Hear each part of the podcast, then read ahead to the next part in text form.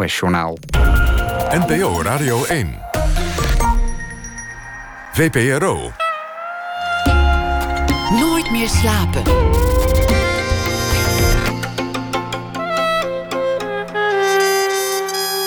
Met Pieter van der Wielen. Goedenacht en welkom bij Nooit meer slapen. Limburgia heet de film van regisseur Noël Loze, zelf ook Limburger. Een dramatische tragicomedie over een uh, man in rouw, over verloren dromen en over een oer-Limburgse schuttersvereniging. De regisseur komt op bezoek na ene. Gerard van Emmerik maakt een verhaal bij de voorbije dag. Vorige nacht uh, vertelde hij over zijn MeToo-ervaring en straks een nieuw verhaal. Aandacht ook voor de film Unwanted over de duizenden vrouwen die tijdens de Kosovo-oorlog bijna twintig jaar geleden systematisch werden verkracht. We beginnen komend uur met eh, Jan Drost na het schrijven van zijn boek Het Romantisch Misverstand in 2011 en vele lezingen over het onderwerp, over zijn eh, filosofie van de liefde, gebeurde ineens het onvoorstelbare. De liefdesfilosoof, zoals die inmiddels werd genoemd, werd zelf verlaten. Daar hoeven we natuurlijk helemaal niet triomfantelijk of flauw over te gaan doen, want de tandarts heeft zelf ook wel eens een gaatje in zijn kies. En belangrijker is, het leverde hem nieuwe inzichten op. Liefdesverdriet is overweldigend. Het is alsof de wereld vergaat en wie er niet middenin zit, haalt er te makkelijk de schouders over op. Het werd een boek als de liefde voorbij is. Jan Drost is inmiddels alweer gelukkig met een uh, nieuwe liefde, las ik in de krant. Hij is filosoof, hij is geboren in 1975, uh, opgegroeid in een gereformeerde omgeving. Liet de religie achter zich, het werd wijsbegeerte. Een van zijn belangrijkste invloeden is Aristoteles. En hij is uh, verbonden aan de Nederlandse afdeling van de School of Life van Alain de Botton onder meer.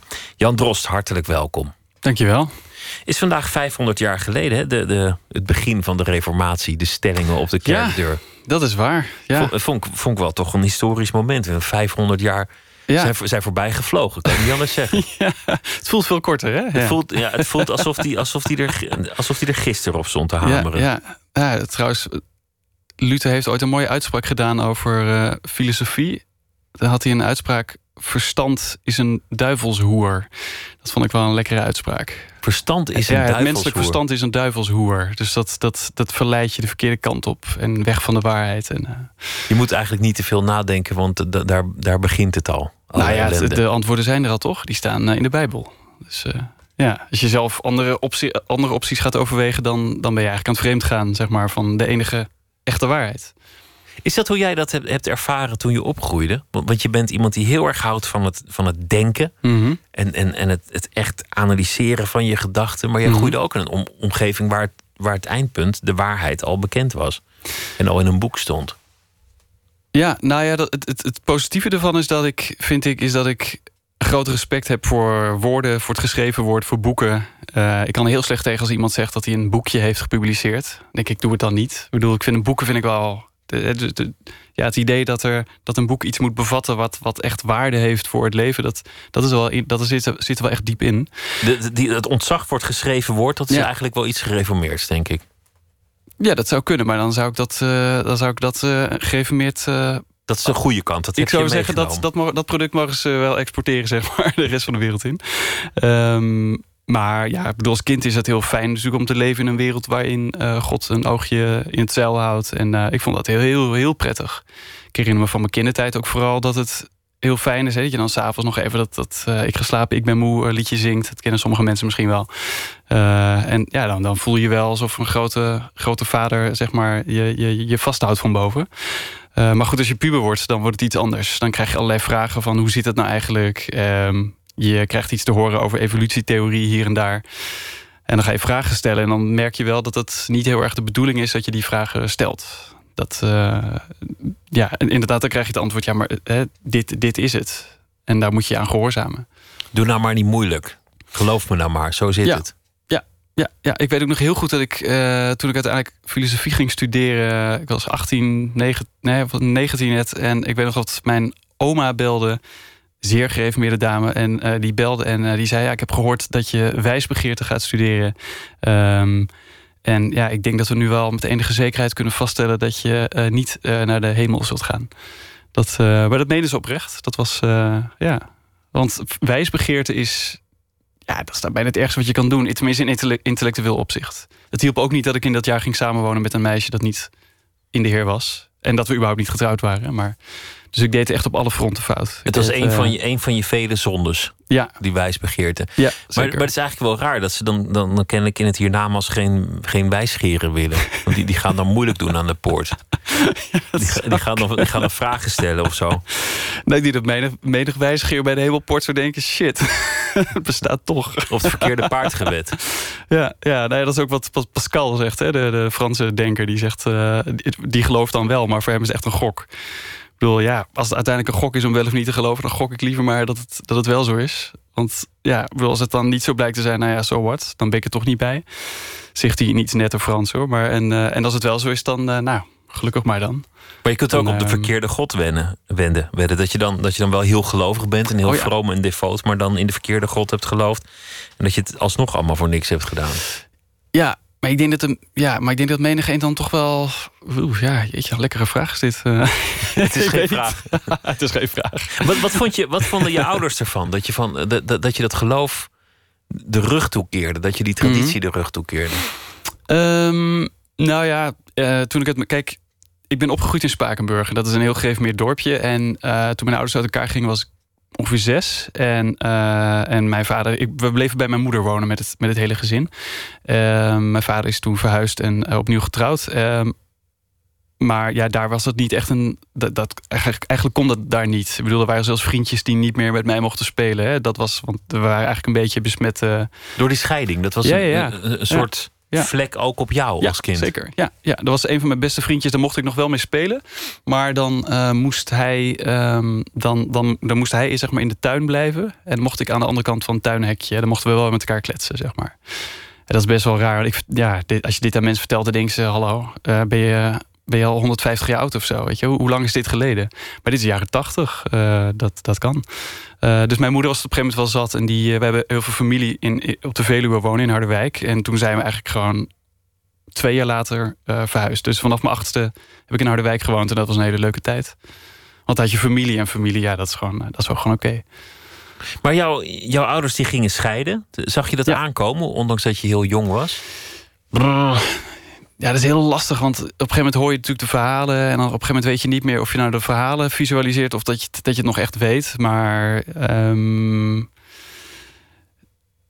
Oh, eh, ja, je vraag was eigenlijk een andere natuurlijk. Je vraag was hoe de ouders, mijn ouders, je ouders reageerden. Nou, mijn, mijn vader, om dat toch even te beantwoorden. Mijn vader, die, ik weet nog, die zijn hand uitstak en me feliciteerde met... eh, zei van, nou, wat goed, eh, goed, dat is je een goede volwassen beslissing van je. Dus hij was eigenlijk wel blij dat ik van de kerk af was. Zodat Dus, hij, dus hij had je opgevoed in een traditie. En toen je daar niet voor koos, zei hij: Nou, wat goed van je. Ja, Dus hij, was uit, zelf hij, hij is zelf er eigenlijk al van afgeraakt daarna ook. En ik weet natuurlijk niet hoe lang hij zelf al met twijfels liep. Maar hij is altijd een vrij eigen- eigenzinnig typeje geweest. En, eh, dus hij was al heel lang, lang bezig. Het sowieso een eigenzinnig ge- ge- gelovige. En, eh, maar toen ik uiteindelijk... Hij, vond het heel belangrijk dat het mijn eigen keuze was. Dat het mijn eigen proces was.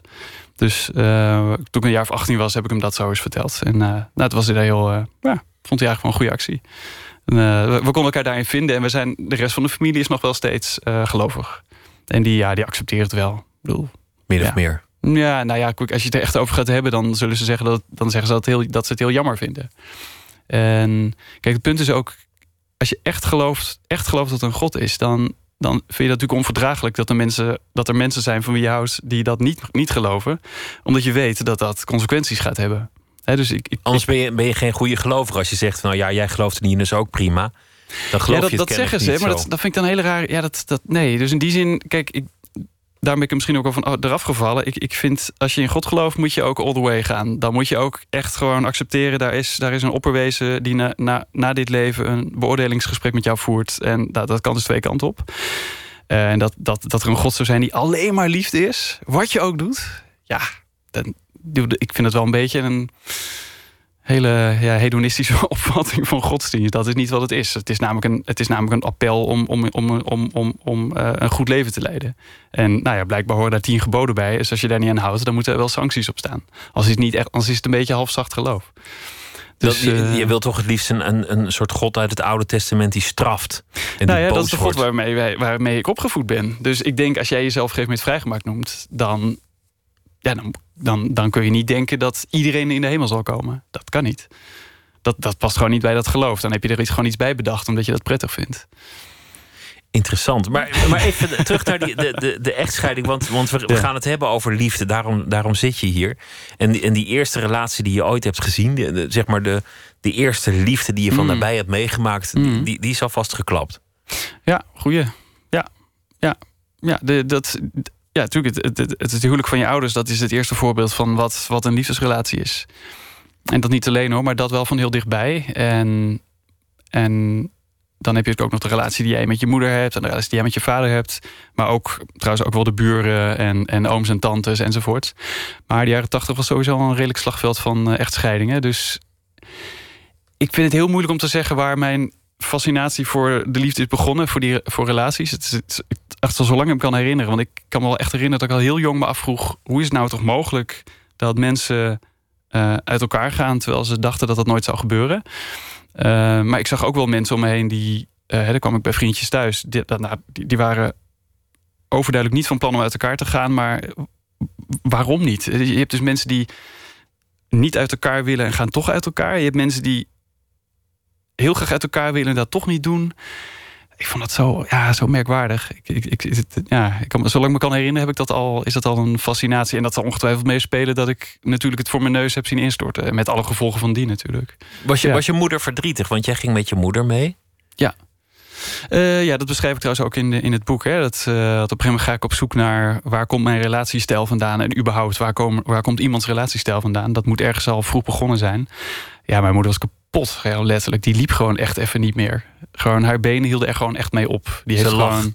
Ja, ja, ik herinner maar. Ik weet niet hoe lang dat geduurd heeft hoor. In mijn herinnering een eeuwigheid. Maar ehm, zij heeft echt een tijdje in, in de woonkamer op een, op een stretcher gelegen.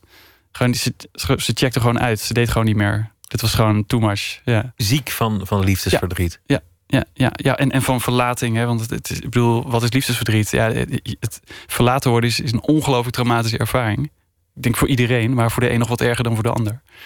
Eh, nee, ik denk dat ze. Ik weet ook niet wat er allemaal in haar hoofd omging, maar dat is, ze was echt, echt een stuk daarvan. Ja, ja. Je had natuurlijk ook op kickboksen kunnen gaan. Of, of je had, je had eh, kunnen gaan paardrijden of iets. Maar, maar bij jou werd, Mhm. werd, werd het antwoord op de dingen het lezen en het denken. De, de, Ja. de, de wijsbegeerte, de filosofie. Ja. Heb je enig idee hoe, hoe dat kwam? Poeh. Ja, jeetje. Nou, om, om niet te verzeld, te raken in een nature-nurture discussie, maar ehm, ik ben wel opgevoed met, met lezen. Ik bedoel, ehm, als het kerst was, nou heb je natuurlijk eh, de kerstrituelen, maar ik weet nog met kerst mochten we altijd een boek uitzoeken. Mijn moeder las veel, of leest veel natuurlijk. Eh, maar ik ben het zeggen las, maar ze leest veel. Ehm, mijn vader, eh, nou, is ook vrij intellectueel bezig. En dus boeken waren er altijd al. En, en sowieso, ja, ik denk, ik, dat zal toch misschien ook wel met, met, met, met die godsdienst te maken hebben. Dat je, dat je gewend bent om er een boek bij te pakken. En ik weet nog wel, een van mijn grote frustraties was toen ik één keer studeerde. En ik ging op een gegeven moment ook nog Nederlands erbij doen. En ik, ik had echt een tijd, nou ja, dat de Bijbel één van de boeken werd in plaats van het boek. Dat ik letterlijk wel eens gewoon bijna een soort leespaniekaanval kreeg als ik een boekwinkel binnenkwam. Dit was gewoon te erg. Ik bedoel, het, het, het waren zo verschrikkelijk veel boeken en ik wilde ze. Wow, en elk boek zou misschien wel de waarheid bevatten of een waarheid. En, en dus ik heb Maar, maar toch die basisgedachte dat de waarheid in een boek staat. Ja, en ik eh, en, en eerlijk gezegd heb ik die gedachte nog steeds. Ja, ja. Er staat ergens een waarheid in, in een, Ja. een boek. ja, met het verschil dat er nu niet één Bijbel is, maar vele Bijbels zijn. Ja, ja. En als een boek heel belangrijk voor me is, ik bedoel, ik, ik heb ook niet een e-reader of zo, of, of, of ik, ik geef boeken ook niet weg. Ik, ik ben ook niet lid van een bibliotheek. Ik, als een boek heel belangrijk is, dan moet ik het hebben. En dan zet ik het ook zo dat ik het af, af en toe kan zien. Dus mijn Anne Karenina, die heb ik stuk gelezen. En ik heb daarna ook echt de gebonden editie gekocht. En bam. Weet je wel? Ik bedoel, als je huis in de fik staat en je hebt Anne Karenina staan, neem dat mee. Want eh, dan heb je in ieder geval nog iets. En je hebt dat nu niet meer, je, je onzichtbare vriend God die je als kind had. Die, die over, vriend, ja. eh, over je waakte. Want dat, voelde wel echt als, als een soort geborgenheid die je had. zeker. Maar, maar je hebt nu de helden in de, in de grote denkers. Ja. En daar, daar vind je ook je, je troost en daar vind je ook je, nou ja, je antwoorden en je richting en, en, en alles wat je nodig hebt. Ja, en, en niet alleen daarin. Hè. Het, is, eh, het is überhaupt een manier van luisteren. Ik kan het ook hebben als ik naar de radio luister. eh, dat iemand opeens iets zegt. En ik, wow. Dan, eh, ik heb ook echt een blokje en een pen. Dan schrijf ik soms gewoon even één zin op. En ik vind dat zo grandioos. En dan, Dus het, is ook, dus het kan ook iemand zijn die ik, met wie ik gewoon een gesprek heb. Die dan net even... Ehm, ja, ja, dat, dat zoeken er zit altijd in. Altijd. Ook als ik een serie zit te kijken. Altijd. Ja, ja. Maar boeken hebben wel iets heel bijzonders. Als je muziek luistert, je, je, bronnen zijn talrijk. Je, je begon met Nietzsche en, en Sartre. Ja.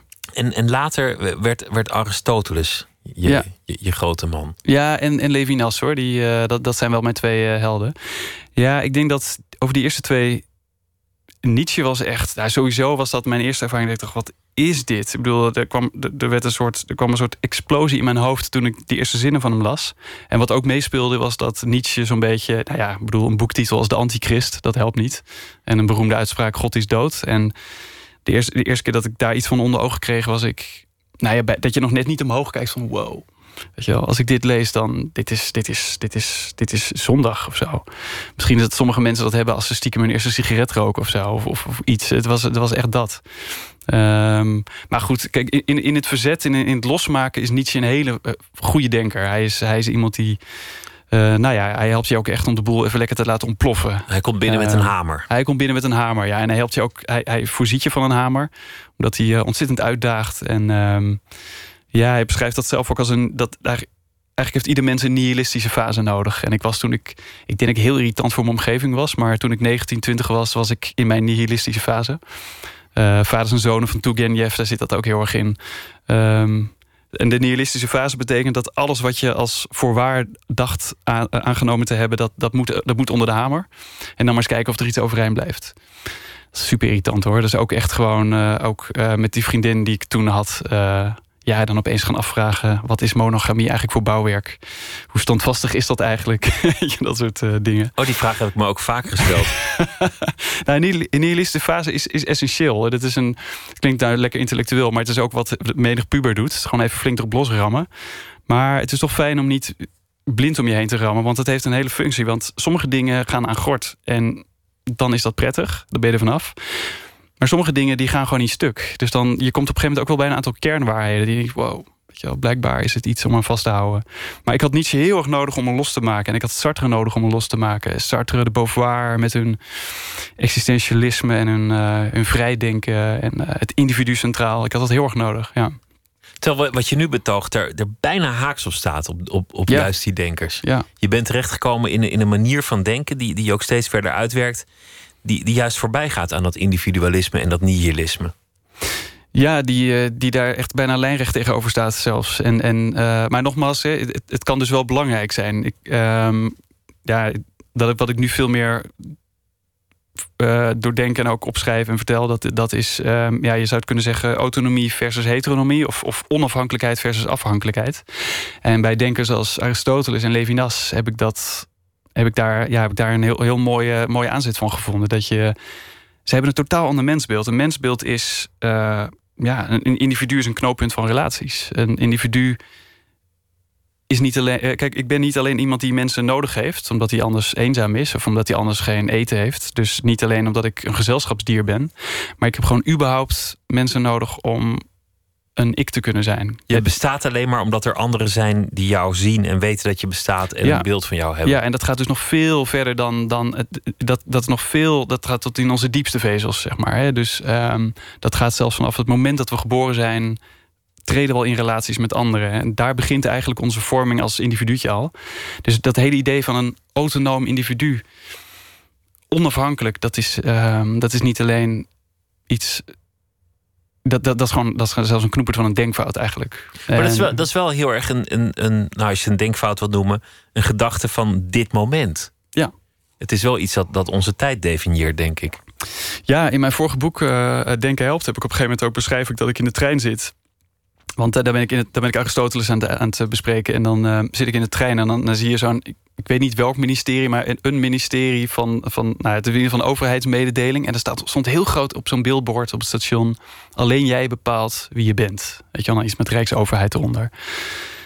En toen heb ik alleen jij bepaalt wie je bent. Dus zelfs onze eigen overheid verkoopt ons dus een denkfout. dat zo, zo diep geworteld is het. Uh, kijk naar het nieuwe, uh, nou, je kijkt naar partijs VVD en gek genoeg ook CDA. Bijna nog, nog, nog uh, individualistisch daarin. die toch christelijke wortels heeft. Vind ik heel merkwaardig. Maar ja, daar, het, het, mensbeeld is nog steeds het autonome individu. en daar is uiteindelijk een hele samenleving op gebaseerd. Daar is een idee van, van economiebedrijven op. Dat hele neoliberalisme, vrije markt. Dat is allemaal met als onderliggend mensbeeld... het naar eigen belang strevende autonome individu. Dat is ook het, het ideaal dat je altijd terugleest. Jezelf worden, jezelf ontdekken, jezelf blijven. Ja. Je, je eigen leven leiden. Nou ja, Alles, alles om dat zelf. Ja, daar worden kapitaal mee verdiend. Hè? Dus uh, het idee is, als je dus jezelf wil worden... moet je je dus losmaken van anderen. Hè? Want andere mensen die, die vertroebelen jouw zelfvervordingsproces als het ware. Dus je moet, je moet die banden uh, afleggen. Je moet, dat, je moet dat onthechten. Je moet daar los van maken. Dus dan je steeds verder terugtrekken in jezelf. Steeds eigenlijk, eigenlijk asocialer worden, antisocialer. En daar zou je dan een soort kern vinden. Een authentieke kern van wie jij bent. Een hele romantische gedachte. Die ook trouwens in de romantiek uh, lekker opgekomen is. Maar um, uh, ja... Jij gelooft er niet in? Um, ja, maar dat is niet een kwestie van geloven. Ik denk dat dat, uh, dat leidt uiteindelijk tot zelfverlies. Uh, want uh, bedoel, kijk, stel je voor dat je daar iets ontdekt. Stel je voor dat je iets ontdekt van dat ben ik. Hoe wou je dan weer terug de wereld in? Is, is dan vanaf dat moment iedereen heb je dan een soort allergie vanaf dat moment? Want iedereen die ook maar enigszins in jouw zone komt. En dat soort mensen heb ik ook wel gesproken. Hè, die dan zich helemaal losgetherapeutiseerd hebben, zeg maar. En die zijn vanaf dat moment zo nou ja, bijna smetvrezig in de omgang. Dat je, die, durven geen, die durven geen vaste relatie aan te gaan. Want stel je toch voor dat iemand me definieert. En nou, dat, is, dat, is, dat is een on, ondoenlijke actie. En uiteindelijk is dat volstrekt egoïsme ook. Um, uh, ja, dat is een heilloze weg, lijkt mij. Maar goed, dat is het lullige. Als je dat dan doordenkt en je bent daar uiteindelijk helemaal van overtuigd geraakt dan krijg je vervolgens nog weer een kabinet van vier jaar dat nog steeds lekker in het oude, uit het oude vaatje tapt. Dus dit is ehm, een visie die gaat over, over het mens zijn, maar ook over, de, over de samenleving, over, over liefde. Nou, is de, is de, mens... relatie zit in alles, ja. Klopt. De menselijke soort is anders dan, dan andere dieren. Je hebt natuurlijk ook diersoorten.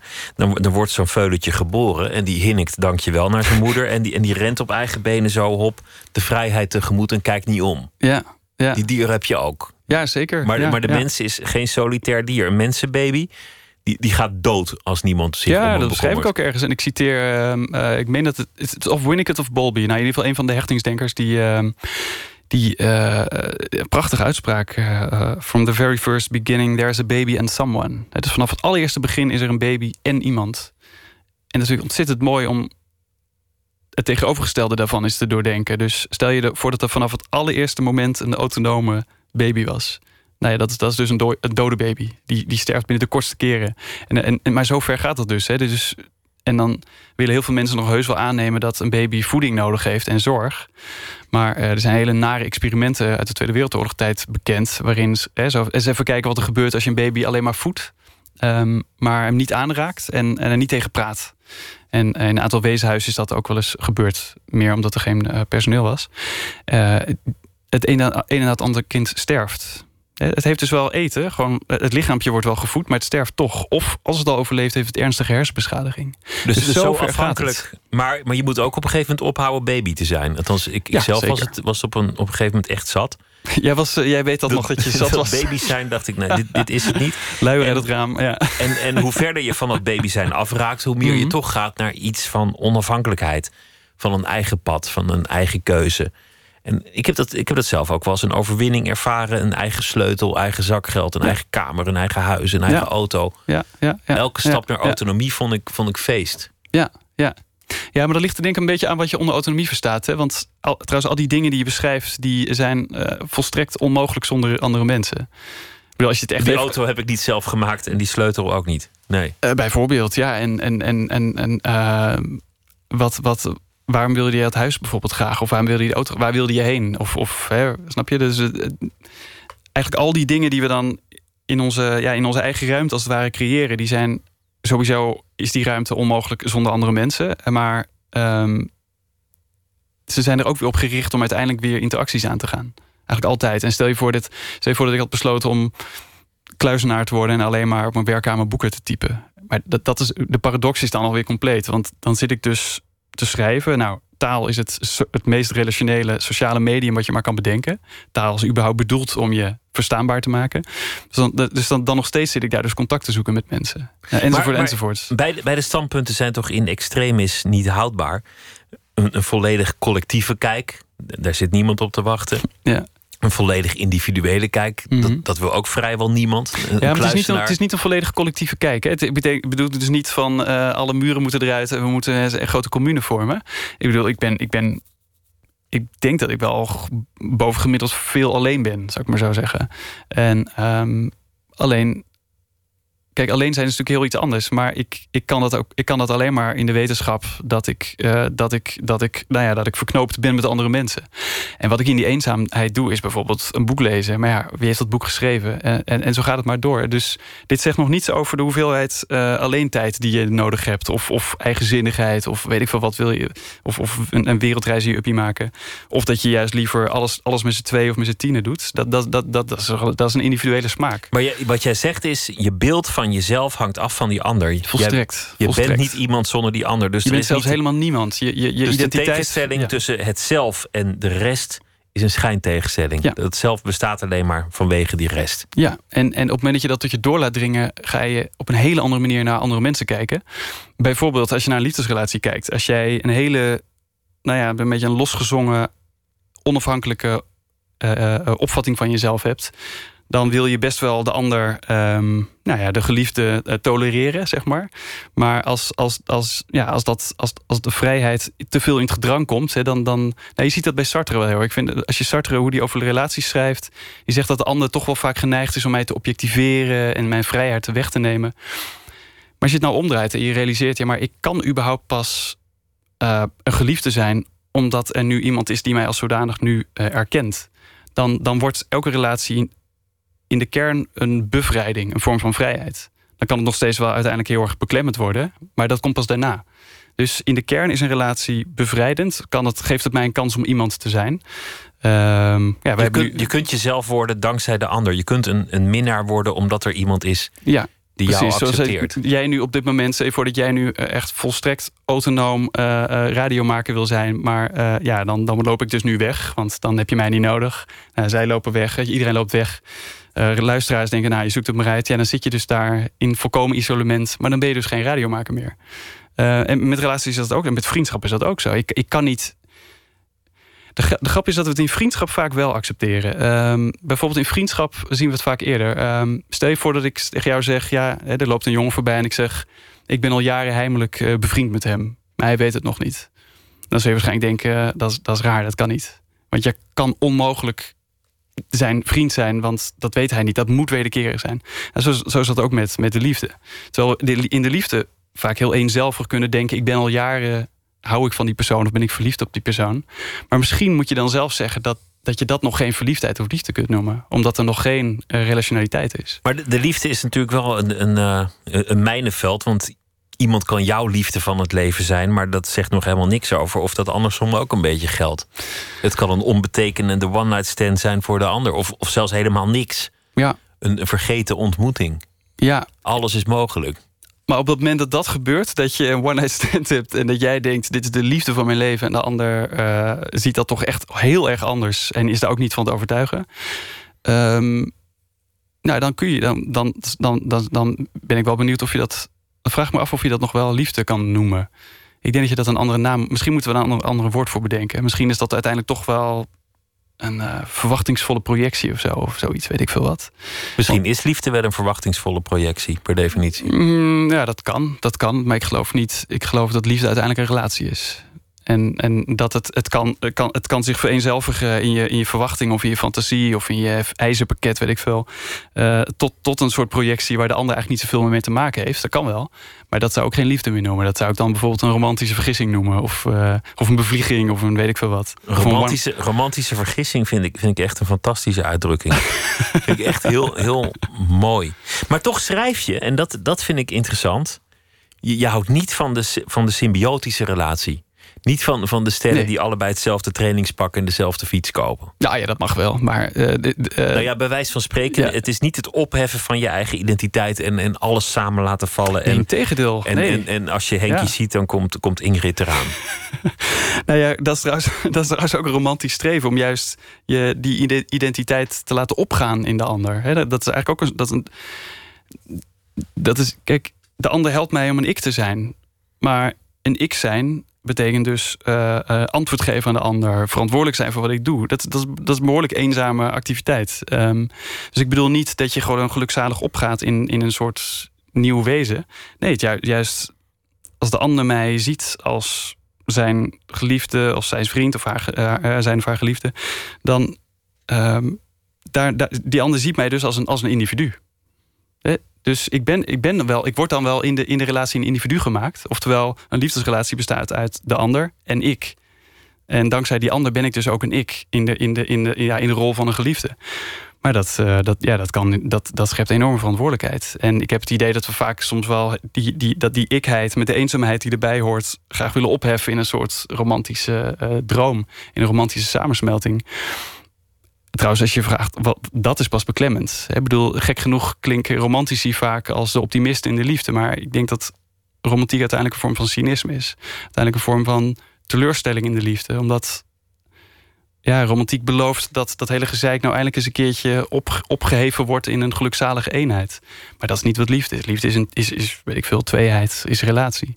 Liefde is, is ook ervoor vechten, ook moeite doen, ook dingen aan elkaar ontdekken liefde is niet, niet een soort, soort hemel waar je in wordt toegelaten omdat je nou eenmaal de perfecte partner hebt gevonden. nou ja, gelukkig kan het wel zo af en toe zo voelen. En misschien wel zo'n hele tijd zo voelen. Alleen je moet, je moet nooit vergeten dat de ander er is. En dat de ander altijd volstrekt los van jou staat. Altijd. Maar dat is interessant, want, want in een tijd van Tinder en, en al die andere apps is het natuurlijk toch een beetje winkelig geworden. Je hebt een mm. profiel van wat je wil. Nou ja, De, uh, ze, ze moet blond zijn. En, en ja. uh, ze, ja. moet, ze moet allemaal fantastische eigenschappen hebben. Nou, dus één, één, één, één, één emmer vol geneugten, die vrouw. dat heb je helemaal bedacht. En dan ga je zoeken tot je haar vindt. Ja, ja. Maar dat is niet echt liefde, want, want dan ben je nog steeds bezig met jezelf, met je eigen verwachtingen. Nou ja, ik noem aan het winkelen. Ja, ik noem het in het boek ook. Uh, dat is een soort romantiek 2.0 eigenlijk, Tinder. En Tinder lijkt dan niet romantisch, maar dat is, dat is eigenlijk, de, dat is eigenlijk de technische ondersteuning van een romantische houding. Uh, ja, ik zeg wel eens een beetje strikt eh, voor romantiek heb je eigenlijk maar één persoon nodig, namelijk ik en mijn veel eisende fantasie. En een willige figurant. En voor de liefde heb je minstens twee mensen nodig. Uh, en voor Tinder, ja. Kijk, nou ja, ik moet wel even erbij zeggen dat ik wel al twee keer trouwens ben uitgenodigd op een uh, vrijgezellenfeestje van mensen die elkaar via Tinder hadden ontmoet. Dus er kan wel degelijk liefde uit voortkomen. Gelukkig laten die liefde zich niet zo gauw weer houden. Alleen Tinder nodigt uit tot een hyperromantische zelfs consumentistisch romantische uh, uh, houding. ik heb mijn wensenlijst, heb ik weer. Ik heb mijn, ik heb mijn veel eisende pakketje. En daar ga ik iemand bij zoeken. Alsof, alsof, alsof de vrouwen een soort markt zijn. Die ook echt in de schappen op mij liggen te wachten. Volgens mij is Tinder daarom ook zo populair. Omdat het dus de illusie geeft dat alle vrouwen of alle mannen op je liggen te wachten. En dan ga je ze even doorheen bladeren. Uiteraard ben jij hyperkritisch, want jij bent zelf natuurlijk al de perfecte match. Natuurlijk, hè? Ik bedoel, jij bent gewoon volmaakt en perfect en iedereen wil jou. Dat is ook heel fijn aan Tinder. Zeker met die profielfoto van tien jaar geleden. ja, precies. En uh, ja, goed. En, nou ja, en, en, dan, ja, en dan moet er nog een ontmoeting plaatsvinden. En um, nou ja, dan, dan kijk, er kan wel liefde ontstaan. Nou, ik heb als ik bij een lezing gezegd: uh, Tinder kan het begin van een goed begin zijn. Tinder zelf is geen goed begin, maar het kan wel het begin van een goed begin zijn. Maar je moet wel die Tinderhouding uit je hoofd zetten. Want het, het verschil zit hem erin dat je niet met een verlanglijstje op pad gaat van dit zoek ik, daar moet iemand aan voldoen, maar dat je iemand ontdekt voor wie die is en daarin ontdekt wat liefde zou kunnen zijn. Ja en nee eigenlijk. Het lastige is namelijk dat we kunnen niet zonder lijstje. Dat is het gekke. Hè? Um, nou ja, zeg maar een van de, van de uh, ja, een van de filosofische lessen van, van een filosofische kant uh, uit de 18e eeuw, die is dat we de werkelijkheid zoals die is nooit zullen kennen. En dat bedoelt hij op wetenschappelijk gebied, maar ik heb dat maar even geleend om dat ook op de liefde toe te passen. We kunnen de ander nooit kennen zoals die is. Ik heb altijd een beeld van de ander. Ik heb altijd um, een, kennis van de ander, een inschatting van de ander. En voordat ik de ander leer kennen, voordat ik aan een relatie begin, heb ik ook allerlei verwachtingen. Het gaat zelfs over Nietzsche zegt bijvoorbeeld: wat heb ik lief in de ander? Mijn verwachtingen. dus die, die, die zegt dat zelfs bijna op één lijn. Um, wat ik eigenlijk wil zeggen is dat je moet reflecteren op de verwachtingen die je hebt. En uh, zonder verwachtingen, dat, is onmogelijk. Dat kan niet. Want stel je voor dat ik helemaal. Ja, kijk, nogmaals, als ik helemaal blanco een relatie in zou gaan. Ja, dan, dan zie ik niks. Dan kan ik ook niks leuk of niet leuk vinden. Dan ben ik een soort zombie of zo. Dat kan niet. Ik bedoel, het feit dat ik überhaupt iets heel leuk vind. Dat iemand zo een smaak muziek heeft. Of oh, heb je dat voor me gedaan? Of weet ik veel wat. Dat geeft al aan dat ik al verwachtingen had. Maar de vraag is alleen, wat voor verwachtingen heb je? En sommige mensen hebben er 580. En um, ja, mijn vraag is eigenlijk reflecteer eens op welk lijstje je eigenlijk hebt. Ik doe het ook wel eens met, met uh, studenten trouwens. Dan gewoon een lijstje maken. En uh, nou, doe, eens, een stuk of tien. En uh, bekijk ze eens even één voor één. En vraag je af of dat ding wat op nummer drie staat... wel echt op drie thuis hoort. Hoe belangrijk is dat nou eigenlijk? En de grap is, dan bergen ze dat een tijdje op. En dan na twee maanden kijken ze er nog eens naar. En dan zie je dat heel veel dat het lijstje eigenlijk aanzienlijk korter is geworden. Dat je denkt, ja, het is wel heel oppervlakkig van mezelf dat ik dit zo hoog op het lijstje had. Want je gaat namelijk nadenken over wat, wat, wat, waar gaat het nou eigenlijk echt om in, in de liefde. Ik heb ooit gedacht dat ik nooit met iemand zou kunnen zijn die niet van John Coltrane hield. ja, waarom dat zo belangrijk was, weet ik niet. Maar dat, dat, dat haal je zo in je hoofd. Maar, maar laten we voorbij gaan aan, aan dit. Want dit is eigenlijk de staat waar we waren toen jij de liefdesfilosoof werd. En, en er werd gevraagd voor lezingen door het hele land. Ik moet even bijzeggen dat ik dat niet zo bedacht heb hoor. Die, de, bij, dat, dat werd je opgeplakt. Ja, dat is een grapje van een, uh, van een redacteur van de NRC. Maar die heeft dat een keertje voor de grap onder een essay gezet. Terwijl ik er gewoon onder had staan, Jan Drost. Maar, maar goed. Jan Drost, filosoof. Zonder, de liefde. Nou ja, en toen, mag hoor. toen was er ineens een, een, een dramatisch moment. Namelijk een relatie van tien jaar, dat is een, dat is een flinke tijd, mhm. die, die in jouw beleving goed liep, die, mhm. die leuk was, die, die, die mooi was. Jullie hielden van elkaar. En jou was ineens verteld: Jan, ik ga niet met je verder. Ik wil niet meer. Ja, ja. En, en dit is, een, dit, dit is een, een, keihard moment. Dat kan iedereen zich voorstellen, mhm, dat, dat, dat, het, dat het pijnlijk is. Maar daarmee was ook als, als filosoof begon de boel te rollen. Ja, ja. Ik moet even bijzeggen dat mensen vaak onder het woord filosofie verstaan dat je een soort hyperrationele houding hebt of zo, los van emoties en los van het lichaam. Maar um, de manier op, althans waarop ik graag filosofie bedrijf, dat, dat is één op één. Ik kan dat gewoon niet uitzetten. Ik weet niet of het meteen op dat moment al uh, aanging, het knopje, maar, maar, wel snel. en gedachten zijn niet gescheiden. Exact, exact. Ja, het een, het een brengt soms ook het ander voort. Een gedachte brengt zelfs soms zo'n gevoel voort ook. Um, wat, had je een vraag eigenlijk? Nou, die, die, die, vraag komt nu. Ah, Want eh, zij zegt dat tegen jou. Haar moeder was erbij. Dat, dat, dat is natuurlijk eigenlijk een, vreemd gegeven, maar mhm. vooruit. Mhm. Dat, mm zij, zij had liever haar moeder bij dit gesprek. Mhm. Jij wordt gedumpt, om het heel, heel plat te zeggen. Wanneer realiseerde je dat dit misschien ook te maken had met jouw filosofie? Dat, dat het eigenlijk meer was dan alleen maar verdriet en, en pijn en woede, maar, maar dat het misschien ook wel iets was om, om over te gaan schrijven en over na te gaan denken. Oh ja, oh ja. nou dat was zeker niet. Uh, het, was, het, het, was niet een soort cadeautje dat ik dacht, yes, weet je wel. Nu heb ik, nu heb ik eindelijk een crisis of zo. Nee, nee, dat, uh, dat, uh, dat moment is überhaupt nooit geweest hoor. Maar. Um, nou, het begon, ja, sowieso dat, dat zoiets. Kijk, dan, dan zie je dus eigenlijk dat, dat hoe, hoezeer je, hij heeft Nietzsche toch wel gelijk, hoezeer je ook houdt van wat je verwacht van de ander. Ik bedoel, als iemand tien jaar bij is en in mijn ogen was dit gewoon, dit was gewoon, ja, voor mij had dit gewoon zo mogen blijven. Dit was echt een prima relatie wat mij betreft. Echt mooi ook. Ik, was, ik kon ook altijd heel gerust zeggen bij, uh, als lezer, bij mensen vroegen hoe eigenlijk met je eigen liefdesleven, kon ik altijd zeggen, ja, goed, dat meen ik oprecht. Um, maar als dat dan gebeurt, dan alles stokt eigenlijk. Het, het past ook gewoon niet in mijn hoofd. Het, het, het is een soort ja, er gebeurt iets wat, nou ja, ik, ik, zeg wel eens voor de grap, moet je mij zien als mijn fiets gejat is. Ik bedoel, ik kan, loop ik soms gewoon nog een half uur langs dat fietsenrek. Van, ik kan, dat past niet in mijn hoofd dat mijn fiets er niet is.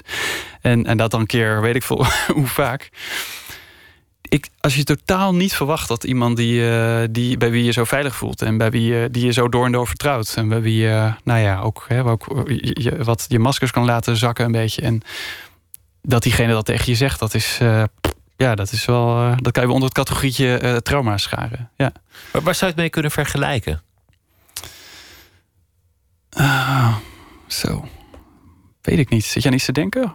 Nou, eh, rouw is, is iets dat voor Ja, de hand ligt. Ja, ja. ja nee, ik dacht even dat moment zelf. Qua, nou, het rouw is uiteindelijk iets wat moet gebeuren. En dat is. ehm, en ik.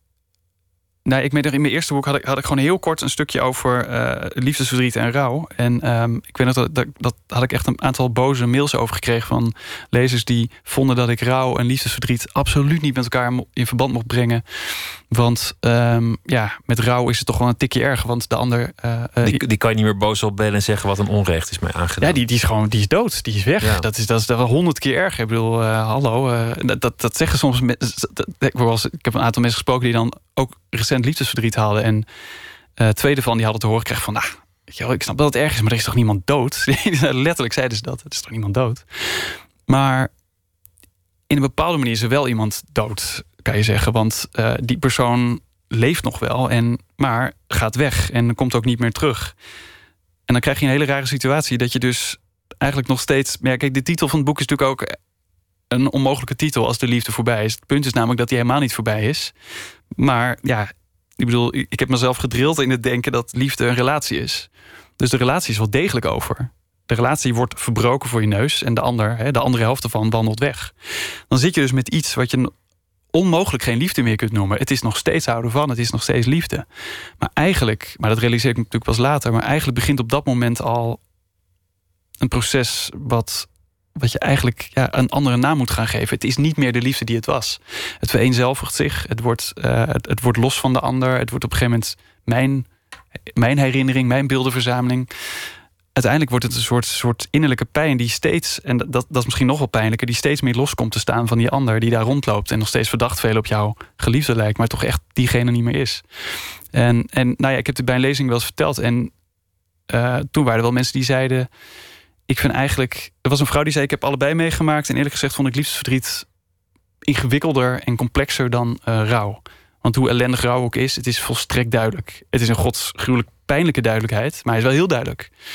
Ehm, tenzij in die naam als geloof natuurlijk, hè, dan, dan is het gewoon even de rit uitzitten. Maar het idee is dat, je diegene, dat diegene echt er niet meer is. En met liefdesverdriet, hè, ja, het is ook een soort van mindfuck. Want je moet rouwen om. Eigenlijk je moet rouwen om de dood van iemand die er nog wel is. Daar komt het eigenlijk op neer. En er wordt luchtig over gedaan door de omgeving. Van nou ja, kop op en er komt alweer een ander en er vis Ja. in de zee. Ja. En je, je schrijft ook mensen die dat zeggen, kon ik op de bek slaan. Ja, ik vind het echt een waanzinnige uitspraak. Nou ja, ik- er zit helaas wel een kern van waarheid in. Of niet helaas, er zit wel een kern van waarheid in dat er meer vissen in de zee zwemmen. Oftewel, er er is altijd nog wel weer liefde mogelijk. Maar dat is niet echt een uitspraak die je kort daarna moet doen. Want je zegt daarmee eigenlijk ook dat die geliefde van wie je zoveel houdt, die je ook van zo nabij hebt leren kennen, en daarmee steeds meer uniciteit krijgt, als ware. Steeds meer een unieke ander wordt. Omdat je er zo van dichtbij meemaakt. Als je dan zegt er zijn meer vissen in de zee, dan ontneem je eigenlijk. Dan zeg je ook eigenlijk van ja, je, je, was, je had gewoon een relatie met een visje of zo. Met iemand die net zo goed een ander had kunnen zijn. Dus je ontwaart ook eigenlijk wat het, wat het was. Maar ik, Ja. Als ik erop terugkijk, ik heb ook zelf een aantal keer gruwelijk liefdesverdriet gehad. En als ik Mhm. op terugkijk, dan, dan is de vergelijking die het best stand houdt, die met verslaving. Hmm. Met, met een, een, een, een junk die moet afkicken. Mhm, mhm. Want dat ben je eigenlijk gewoon een, een, een Absoluut. junk die zijn shotje wil. Zeker. Ja. Met, met dan wel het voordeel ten opzichte van de junk dat, dat het shotje jou niet meer wil. Ik bedoel, moet je je voorstellen dat je wil stoppen met roken en de sigaretten gewoon weglopen. Dat, dat is, ja, dat Overal het- waar je komt, rennen de pakjes weg. Dat, ja, dan, dan, dan zul je uiteindelijk afkicken. Dat, dat is het voordeel. beeld trouwens, ja. Maar het, het Eh, heeft, ja, ja, het, heeft, het heeft veel symptomen van een verslaving. Ja, als je kijkt naar, eh, als je kijkt naar wat er zeg maar hormonaal gebeurt en in, je hersenen gebeurt, eh, dat is, je krijgt absoluut je shotje dopamine, oxytocine en de hele reutemeteut, die, die, die is gewoon bam, weg. Je krijgt ook nog een flinke knal cortisol, dat is het stresshormoon, zeg maar. Dat krijg je ook nog. Je krijgt niet alleen je shotje niet meer, je krijgt ook een heel naar shotje ervoor in de plaats. Dus dat is, eh, ja, dat is afschuwelijk. Ehm, er, wordt, er wordt ook wel trouwens, er wordt ook wel gezegd dat er zijn ook wel onderzoeken waaruit blijkt dat op het moment dat je zeg maar, de scheidingsmelding krijgt, zo noem ik dat dan, hè, dat, je, dat je verlaten wordt, dat je hersenen eigenlijk geen onderscheid maken tussen verlaten worden door een dierbaar persoon en eh, eh, gewoon zwaar gewond zijn. Praktisch in levensgevaar verkeer. Je hersenen slaan gewoon bijna op dezelfde manier volstrekt alarm. En het idee is dat dat komt dat omdat verlaten worden, verstoten worden uit een gemeenschap, levensgevaarlijk is voor eh, het wezentje dat wij zijn. Hè, als je zeg maar teruggaat naar toen we nog, weet ik veel, over de Sahara renden of zo. Ehm, ik moet dan altijd denken aan die documentaires dat je dan zo'n klein olifantje ziet dat dan een beetje te zwak is. En dan krijg je nog een paar mensen die nog een paar, of paar olifantjes die nog een paar keer er tegenaan tikken van... wordt het nog met jou wat? Nee, jij bent te zwak, sorry, dan laten we je nu uh, achter. Zeg maar. dat, nou, dan weet je, het olifantje dat alleen achterblijft, gaat dood. En je hersenen schijnen ongeveer die alarmknoppen uh, uh, aan te zetten... als je dus verlaten wordt. Het is eigenlijk, je hersenen denken, shit, levensgevaar. Of dat denken ze niet, maar dat mechanisme gaat in werken. Zo'n urgentie heeft het. Zo'n ja, het is, van, het is, van ziek zijn. ja, uh, dus fysiek gezien is, er, is het een zaak van leven en dood. Ja, ja. Op dat moment. dat moment. En dan is het uiteindelijk maar goed dat je over je verstand beschikt... om in ieder geval tegen jezelf te zeggen... Weet je wel, uh, er is nog een andere gemeenschap. Er zijn nog vrienden, weet ik veel wat. Uh, er is nog een lieve buurman of zo. Of dan moet je dat heel hard tegen jezelf zeggen. Want qua, qua dat alarmsysteem betreft is het gewoon klaar, is het afgelopen. Er zei ooit iemand in, in dit programma: degene die wordt verlaten, is zelf vaak al lang verlaten. En, en dat, dat, dat, vond ik, dat vond ik een opmerking. Kan je nog één keer zeggen? Degene die wordt verlaten is vaak zelf. Of degene die verlaat is ah. zelf. Ik zeg het helemaal verkeerd. Ah, okay. Degene die verlaat is zelf vaak al lang verlaten. In die relatie. Ja, dus, dus, mm. dus degene die mm. wegloopt, Hmm. is waarschijnlijk al lang op een andere manier verlaten door degene die, die, ze, die ze achterlaat. Begrijp je me nog? ja, ik begrijp het zeker. Ik zit, het maakt het ook nog rommelig door het verkeer te zeggen. Maar nee, ik begrijp het heel goed. Want ik uh, alleen. Um, ik denk dat. Kijk, dat is, dat is situatieafhankelijk. Dat is een, een mogelijkheid, laat ik het zo zeggen.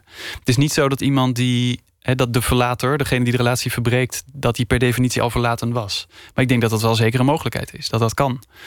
Want uh, bedoel, het kan namelijk ook zijn dat degene die weggaat zelf al begonnen was afscheid te nemen. Hey, je kan het ook omdraaien en zeggen: op het moment dat je verlaten wordt, was je eigenlijk al verlaten. Op het moment dat degene zegt: Ik ga bij je weg, is de kans groot dat die persoon al bezig was, of op weg was naar de uitgang. Dat, dat is mogelijk. Want maar het is, ja, het is een van de mogelijkheden dat je uiteindelijk weggaat... omdat je, dat degene die weggaat zich eigenlijk al zelf verlaten voelde. Dat is zeker een mogelijkheid, ja.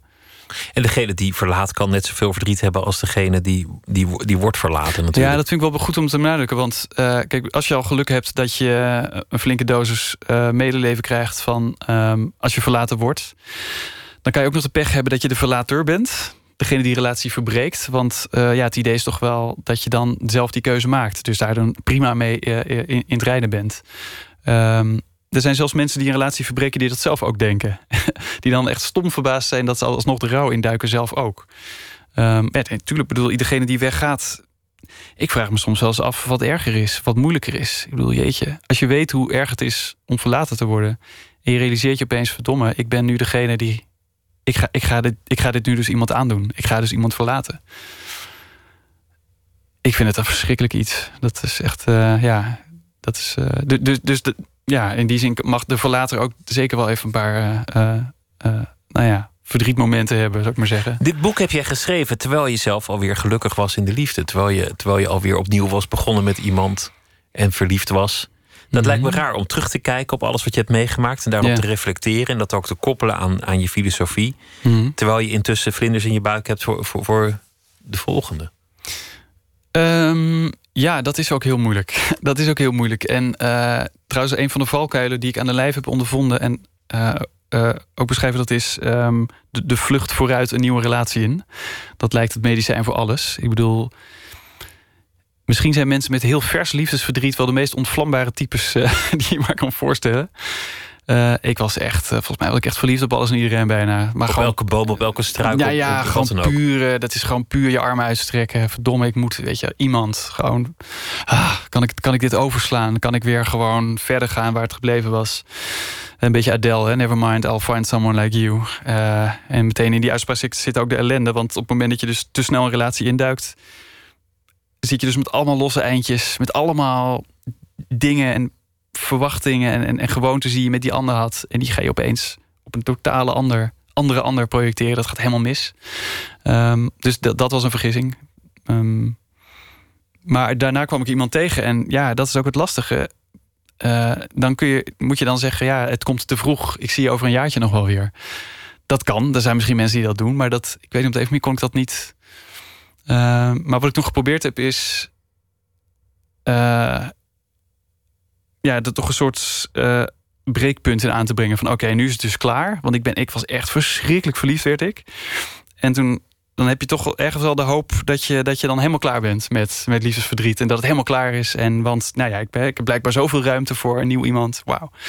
En, uh, maar goed, toen merkte ik na een paar maanden wel dat, uh, dat het weer even op de deur kwam kloppen. Ik bedoel, op de een manier, als je nog iets te verwerken hebt qua verdriet, dan wacht dat gewoon rustig tot je weer, uh, tot je weer beschikbaar bent. En waarom zou het ook niet kunnen trouwens, met de een zijn en rouwen om de ander? Nou, dat is wel, dat is wel een klus. Ja, ik heb dat, ik heb dat dus moeten doen. Um, maar dat vraagt wel wat van de ander. Dat, dat beschrijf ik ook wel. Ik, op een gegeven moment. Um, dat ja. vinden meisjes niet leuk om te horen. Um, nou ja, het, het, is wel lastig. Ja. Het, ik denk sowieso zit niemand erop te wachten. En uh, jij zelf wel helemaal niet. Hè? Dus je zit er zelf niet op te wachten. Ja, dan, dan is het lastig om te verwachten dat de ander er wel op zit te wachten. Dus het was wel moeilijk. Alleen, ik denk achteraf dat het. Nou ja, ik beschrijf dat ook wel. Dat uiteindelijk is het ook wel een hele mooie manier van om een liefde te beginnen. Ik bedoel, als, als je dat al, als je dat dus op de een manier samen kan doen. En ik beschrijf ook twee goede vrienden van mij die dat ook zo hebben uh, gehad. Want die ontmoeten elkaar ook terwijl de een nog enorm liefdesverdriet had. Ik heb eigenlijk wel een beetje geleerd van haar. Zij zei toen tegen hem van... eigenlijk kom je te vroeg. En als we iets beginnen, dan kan het alleen maar... als je me de ruimte geeft om nog liefdesverdriet te hebben. En dat hebben ze op de een manier dus samen gedaan. Ik vond dat altijd van, ja, knap, maar echt niks voor mij. Ik bedoel, ik los dat liever dan een beetje zelf op. Maar ik was dus noodgedwongen om dat wel... Uh, ja, op een gegeven moment kan je dat niet meer voor je houden. En dat knalde er aan alle kanten uit. En uh, uiteindelijk is dat echt heel mooi geweest. Echt heel mooi. Ja, het is. Kijk, samen rouwen is, is logischer, voor de hand liggender. Hè? Maar ja, je kan, ook, je kan ook echt. Het is mogelijk om liefdesverdriet te hebben met je nieuwe geliefde. Over de vorige nog. Maar dat vraagt wel behoorlijk wat. En ook wel heel het zelfvertrouwen. Want je vraagt eigenlijk van die geliefde ja, ik ga dus eigenlijk nu iemand missen. van wie jij natuurlijk hoopt dat ik die nooit meer terug wil. Hè? En dat is het raar met liefdesverdriet. Uh, er is een tijd dat, je, dat liefdesverdriet betekent... ik wil dit ongedaan maken, ik wil terug. Maar er is ook, ook een tijd van verdriet en rouwen... dat je absoluut niet meer terug wil, maar nog steeds heel erg verdrietig bent. En dat is best lastig om dat uit te leggen aan, je, aan, een, aan een nieuwe geliefde. Ja, want die denkt gewoon nog één keer over je ex beginnen... en dan flikker je nu eruit. Gewoon, en, en, en je komt ook niet meer terug. Ja, ja, ja. en we hebben er uiteindelijk heel veel mooie gesprekken over gehad. Want het is toch wel over het algemeen willen we toch wel graag uitstralen aan onze nieuwe geliefde dat er een soort stijgende lijn in onze liefdesrelatie uh, zit. Dat jij zeg maar de, de, de best thing ever was. En uh, dat dat daarvoor echt uh, eigenlijk toch eigenlijk wel over moest gaan. Maar dat was eigenlijk toch wel waardeloos. We hebben de neiging ook om de ander natuurlijk gerust te stellen. Om, om onze vorige geliefdes een beetje te, een beetje, ja, een beetje, beetje te dissen, een beetje zwart te maken. En, maar dat kon ik gewoon echt dat kon ik gewoon niet uit mijn strot krijgen. Um, maar dat is, ja, dat is wat we, wel graag wat we willen horen. Dat is ego-strelend. Ja, maar ook een, ook een onwaarheid natuurlijk. Ja, het is zeker een onwaarheid. Ja, je, je, kan je, noemde, ja. je noemde eerder een, een woord relatieprofiel. Of, of een relatiestijl. Een relatiestijl, ja. ja, ja. Dat, dat iemand ja. de hele tijd hetzelfde doet, maar dan steeds met een ander. Wat, wat ook iets onbetamelijks heeft. dat, jij, dat jij gewoon ongeacht van wie je partner is, altijd dezelfde relatie nastreeft. Ja, nou ja, dat, ik, dat heb je niet bewust in je agenda staan natuurlijk. Maar dat, nee, dat is natuurlijk eigenlijk gruwelijk gedrag. Um, nou ja, niet als je hele goede voorbeelden hebt gehad. Dan heb je dus de neiging om het heel erg goed te doen met wie je ook bent. Dat zou wel prettig zijn. Uh, ja, maar we hebben allemaal een relatiestijl. Dat bedoel ik ook met je kan niet blanco een relatie ingaan. Je hebt een relatiestijl en die is ongetwijfeld behoorlijk beïnvloed door de mensen die jou opgevoed hebben. Of tenminste die jou geprobeerd hebben op te voeden. Hè? Want uh, kijk, relatiestijlen trekken zich niet heel erg veel aan van of het nou een goed of slecht voorbeeld was. Voorbeeld is voorbeeld en uh, dat ga je gewoon herhalen. Punt. Dat lijkt dan heel raar, want je, denkt misschien, oh, slecht voorbeeld, uh, weg ermee, nieuw voorbeeld. Maar vooral die eerste voorbeelden, daar identificeer je heel erg mee. Um, en trouwens, over, die, over, die, over ons relationele mensbeeld gesproken, vooral die vroege relaties, die zijn heel affectief geankerd, zou je kunnen zeggen. Want die zijn, dat zijn de mensen voor wie je zoveel onvoorwaardelijk hield als kind.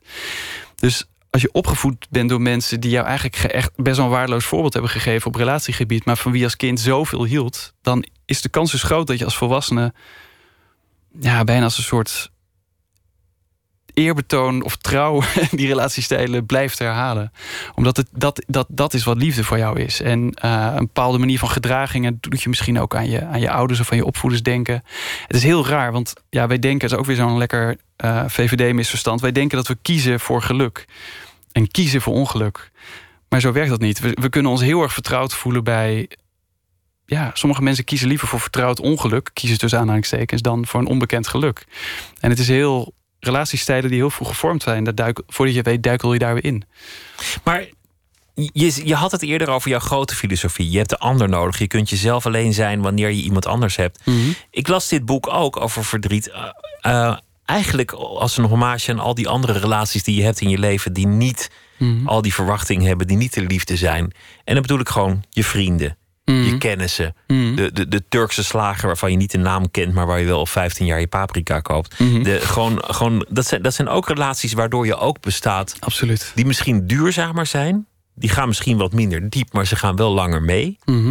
En, en zoals ik dit las, dacht ik ook van ja, eigenlijk moet je die niet over het hoofd zien. Ik wil niet meteen de liefde opzij schuiven, maar Ja. ja, al, alles ophangen aan die liefde. Mhm. Mhm. Gelukkig heb je ook nog gewoon vrienden. Nou ja, ik beschrijf ook hoe belangrijk die zijn. En, en dat ik die eigenlijk vooral. ehm, ik beschrijf ook zeg maar, hoe ik zeg maar, in mijn Nietzsche-Sartre eh, autonomietijd. eh, hoe ik toen met liefdesverdriet omging. En dat was echt eh, met de zweep erover bij mezelf. Streng zijn voor mezelf. En dit is zwakte. En ik moet, ik moet onafhankelijk zijn. Ik, dus ik, ik, koos heel erg. Nou, ik, ik isoleerde mezelf daarin helemaal. En ehm, dat is ook het lastige, hè? Dat je, bedoel, je veroordeelt jezelf bijna nog erger om die zwakte dan, dan anderen dat doen. Mm, en, maar ik heb wel, nou, in, die, in die zin helpt denken dan wel. Ik heb wel geprobeerd het deze keer anders te doen. Ik, ik dacht, oké, één ding wat ik niet moet doen, vanaf het moment dat ik dus als het ware alleen thuis zat en nou, vers liefdesverdriet. Eén ding moet ik niet doen en dat is weer dat doen. Ik voelde het als het ware alweer eh, gewoontegetrouw dat aan me trekken. Om, om me te isoleren en om, om uit, uit relaties terug te trekken. Uh, dat had blijkbaar een soort vertrouwdheid heeft dat voor mij. En dat is trouwens nog steeds zo. Maar ik, ik, ik heb daar bewust tegen inbewogen. Ik heb echt bewust gewoon mijn goede vrienden opgebeld. Um, ja, dat, dat loste ik dan wel op mijn manier op. Want die zeiden, ik, we komen er nu aan. Zeg ik, nou, dat hoeft nou ook weer niet. dus dat was een soort mooi compromis. Ik hoef jullie ook weer niet de hele nacht meteen over de vloer. Ja, de morgen is prima. Maar, maar het feit dat ik überhaupt ze opbelde... en dat ik het tegen ze zei, dat ik het uitsprak... Uh, en dat ik ook nog merkte dat ik hun, tro hun troostende woorden toe durfde te laten. En niet dacht van, echt, hou op met dat kleffe gedoe. Um, toen dacht ik, ah, gelukkig, ik ben wel, ik ben wel een beetje opgeschoten in het... Uh, maar zonder vrienden is het onmogelijk. Dat kan echt niet. Zonder was er maar één. Je moet, je moet een goede vriend hebben, goede vrienden of goed, goed familielid. Um, want als je alles inderdaad ophangt aan die ene, um, ja, dat, dat is wurgend. Dat kan niet. Dat is voor niemand leuk, ook voor die ander niet. Nou ja, dan, dan, dan staat je hele identiteit staat of valt met die ene relatie. Hoe, hoeveel eisend kun je zijn? Dat is, dat is geen liefde. Ik denk als je echt als je van elkaar houdt, dan zorg je dat je een paar goede vrienden hebt. Als de liefde voorbij is, uh, het boek over uh, liefdesverdriet en relaties. Jan Drost, dank je wel dat je een uur hier te gast wilde zijn. En uh, heel veel succes in, in de liefde en met het dank geluk. En veel ook. plezier met de filosofie. Dank je wel. Zometeen gaan we verder met Nooit meer slapen. Twitter, VPRO NMS. En we zitten ook op Facebook. En we hebben een podcast via de site van de VPRO. VPRO.nl slash Nooit meer slapen. Op Radio 1. Het nieuws van alle kanten.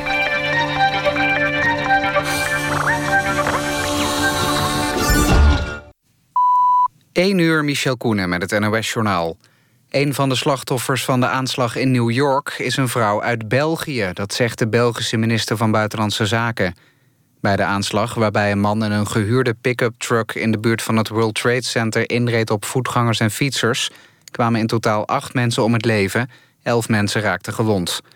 Burgemeester de Blasio spreekt van een terreurdaad... gericht op onschuldige mensen... De politie schoot de dader van 29 in zijn buik... toen hij tegen een schoolbus tot stilstand kwam. Hij stapte uit met twee vuurwapens, maar die bleken nep. De zogenoemde aftapwet wordt uitgesteld. Minister Ollongeen schrijft aan de Tweede Kamer dat het niet lukt om voor 1 januari, als de wet in zou gaan, drie oudrechters te vinden. Die zouden vooraf moeten toetsen of de inlichtingen en veiligheidsdiensten op grote schaal informatie mogen verzamelen over mensen op het internet. Het is nog niet duidelijk wanneer de wet wel in zal gaan. De Catalaanse leider Puigdemont gaat donderdag niet naar Madrid... om door de Spaanse justitie te worden verhoord. Dat zegt zijn Belgische advocaat. Hij denkt dat Puigdemont geen eerlijk proces zal krijgen. Het Spaanse Hoge Rechtshof heeft Puigdemont en 13 andere leden... van de afgezette Catalaanse regering aangeklaagd voor opruiing, rebellie en misbruik van publiek geld... in verband met het uitroepen van de onafhankelijkheid van Catalonië. In de Champions League hebben Paris Saint-Germain en Bayern München zich geplaatst voor de achtste finales. De ploeg uit Parijs won met 5-0 van Anderlecht. Bayern met Arjen Robben won met 2-1 bij Celtic. Verder versloeg AS Roma met Kevin Strootman in de basis Chelsea met 3-0. Sporting Portugal speelde met Bas Dost gelijk tegen Juventus. Het werd 1-1. Het weer nog op de meeste plaatsen droog. De temperatuur daalt naar 7 tot 12 graden. Overdag vaak bewolkt, alleen in het zuiden kan de zon af en toe schijnen. In het noorden kan een bui vallen en het wordt een graad of 13. Dit was het NOS Journaal. NPO Radio 1. VPRO. Nooit meer slapen.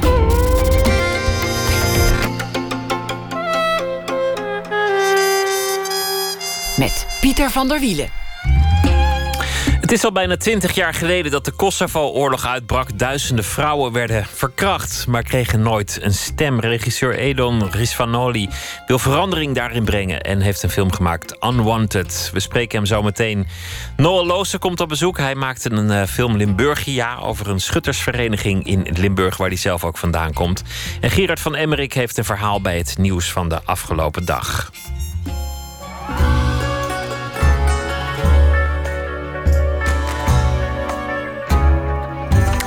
Vanaf morgen is er in uh, Amsterdam een uh, ambassade van de Vrije Geest. Het is uh, niet zozeer een diplomatiek centrum, maar een museum met een bijzondere collectie boeken.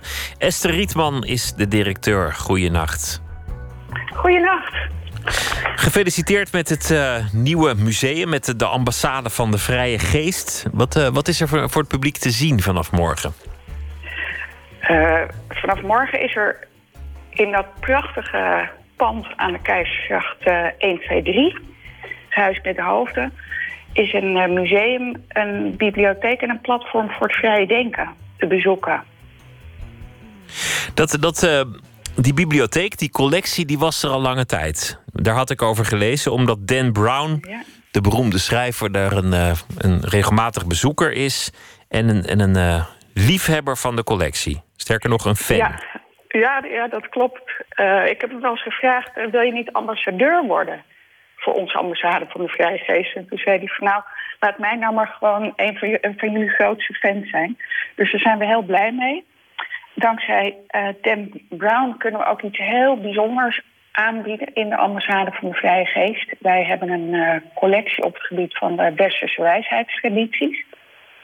Um, vooral het individuele denken, het vrije denken. Wat niet zo heel erg bekend is, is dat die boeken niet alleen heel veel tekst bevatten, maar ook prachtige, werkelijk prachtige afbeeldingen.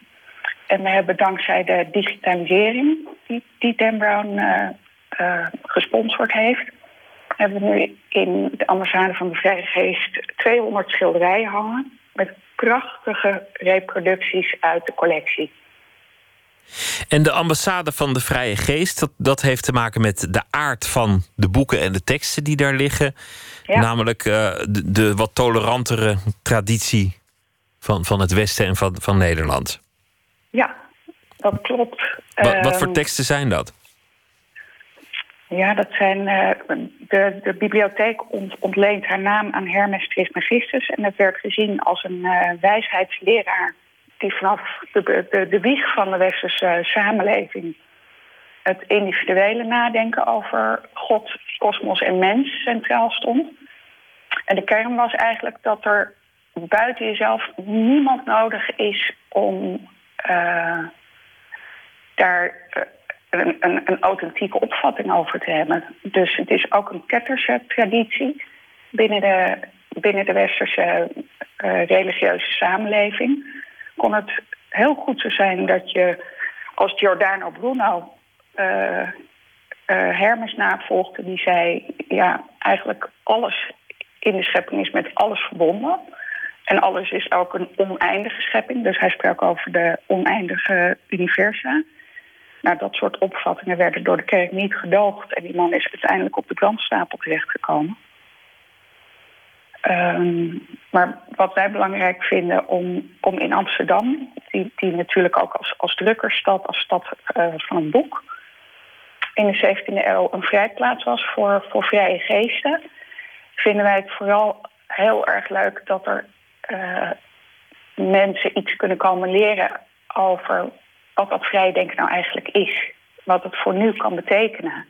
Uh, wij willen heel erg graag dat die ideeën van mensen die in het verleden leefden, waar, waar ze oprechte bedoeling mee waren. Het waren wetenschappers, het waren denkers en dichters en muzici die om de een of andere reden tegen de establishment opliepen. Vaak hun tijd ver vooruit waren. En nu volgens mij in een, in een samenleving waarin uh, zowel op het gebied van de wetenschap als de religie uh, de, de, kaders heel erg veranderen. Ook, ook echt gesproken kan worden over een, een, een, kloof tussen, tussen wetenschap en, en religie. Maar waar wij als normale mensen wel eens denken van ja, maar wat, wat is nou mijn waarheid? Waar kan ik nou antwoorden uh, vinden op de, op de levensvraag die ik zelf heb?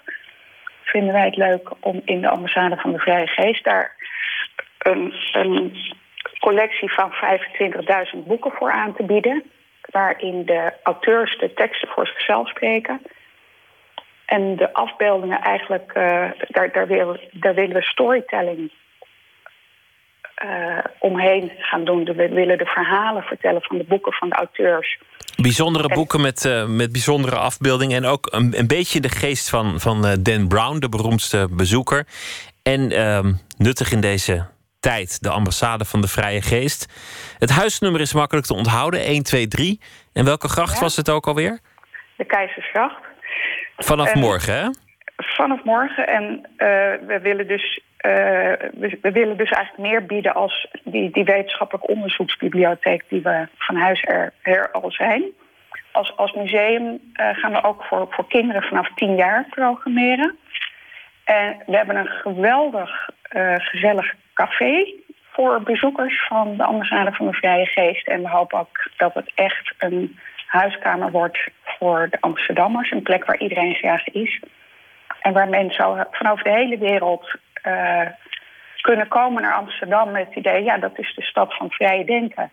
Er is een plek waar ik iets, iets kan leren over dat vrije denken. En we hopen dat heel, heel veel mensen uh, de weg vinden naar de ambassade van de Vrije Geest. Een nieuw Kettersmuseum in uh, Amsterdam. Esther Rietman, dank je wel en een goede dag. Vrije geesten welkom zijn. Dank je wel. Dag.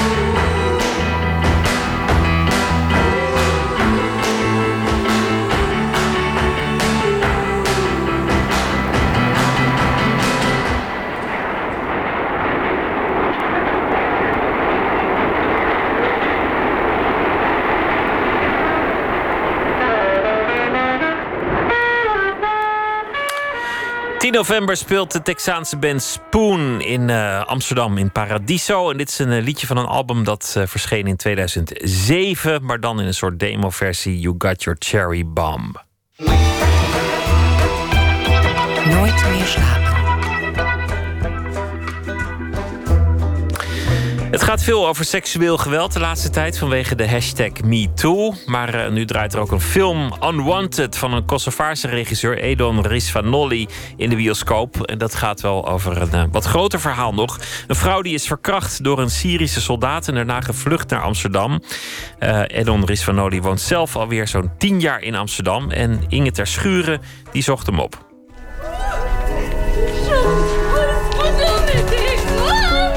verkrachting waar ook nog eens een kind uit voortkomt. Waardoor je dus iedere dag wordt geconfronteerd met die vreselijke gebeurtenis.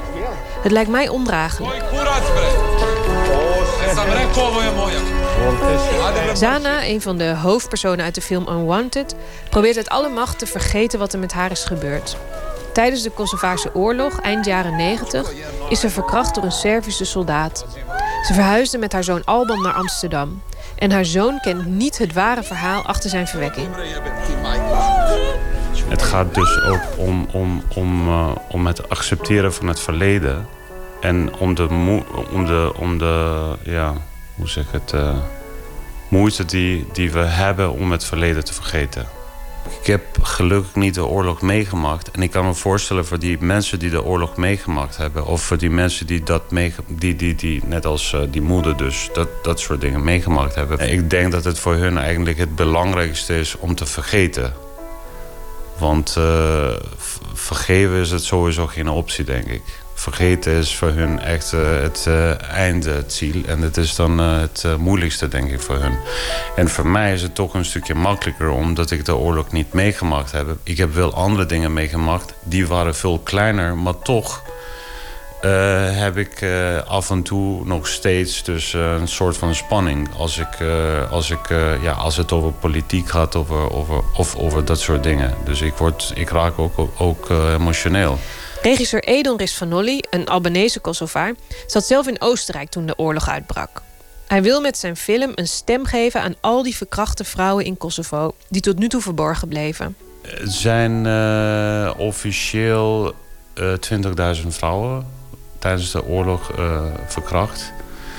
En in Kosovo. En uh, hetzelfde is ook uh, gebeurd in Bosnië. Maar ik denk dat het uh, overal eigenlijk gebeurt met vrouwen. Dat is gewoon een, verschrikkelijk. En in Kosovo het probleem is dat die 20.000 vrouwen eigenlijk geen stem hebben. Ik denk dat het mee te maken heeft met schaamte, met bepaalde cultuur van, van, van de maatschappij.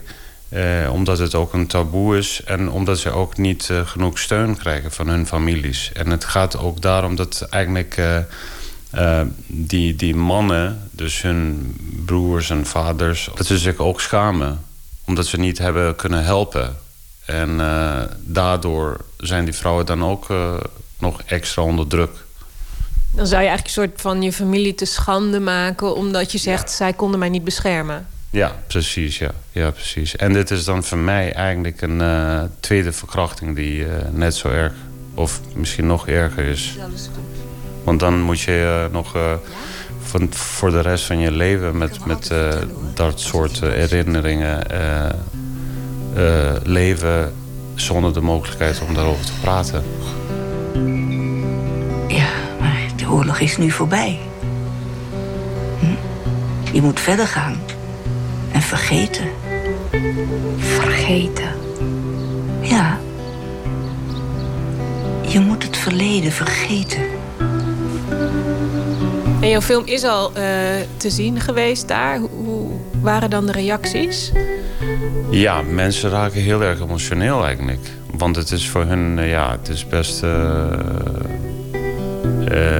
dichtbij, het onderwerp. En waren ook artikels uh, in de kranten over, over, over het onderwerp. En uh, dit was sowieso uh, vorig jaar al het gesprek in het parlement. Want deze vrouwen moeten nu ook een soort van steun, financiële steun van, van, van de stad krijgen. Maar het is nog steeds, er zijn nog, nog, nog steeds best veel discussies. Maar ja, de reacties waren heel erg goed. Heel erg goed, ja. En heeft het ook die discussie op gang gebracht waar je op hoopte? Ehm, nee, ik wil eigenlijk altijd meer. dus voor mij is het nooit uh, genoeg. Ik zou het uh, genoeg vinden als het echt... Uh, want de, de, meeste discussies die gebeuren... dan gebeuren in de hoofdstad. Waar heel veel jonge mensen wonen en werken... die een beetje meer, ja... die, die zeg maar intellectueel zijn en uh, hoogopleiding hebben. En voor mij is het veel belangrijker om dat soort discussies overal te hebben. In het dorpen en uh, waar, waar ook heel veel van, van die vrouwen wonen. Dus voor mij is dat eigenlijk als dan die 20.000 vrouwen een naam en een gezicht krijgen... dan is het uh, eind van de discussie voor mij. Want dan, dan is het uh, veel makkelijker voor iedereen. Dus jij bent nooit in Kosovo geweest? Nee. Schat. Terug naar de film, want daarin krijgt zoon Alban een relatie met een Servisch meisje. Met de vijand van zijn moeder dus, want de haat voor Serviërs zit diep bij moeder Zana. Ja, ik vind het ongelooflijk dat je nooit bent geweest. Nee, ik geloof je wel, maar... Uh, wij mensen uit de Balkan, we hebben zo'n sterke band met onze familie... en het land waar we vandaan komen. Edelris van Nolly speelt zelf ook een rol in de film. Die van Servische schoonvader van Alban. Die ook nog eens soldaat is geweest. Lijkt mij best heftig, maar Edel is een stuk nuchterder. Nee, ik vond het helemaal niet heftig hoor. Nee, het is gewoon, uh, voor mij is het, uh, ja, just another job. Ik bedoel, ik ben sowieso, ik heb een acteursopleiding gedaan, dus voor, voor mij was het uh, prima te doen. Ja, ik vond het wel moeilijk omdat je tegelijk voor de camera, achter de camera moet zijn. Maar ik vond het, ja, het is gewoon een, ja, het is een rol.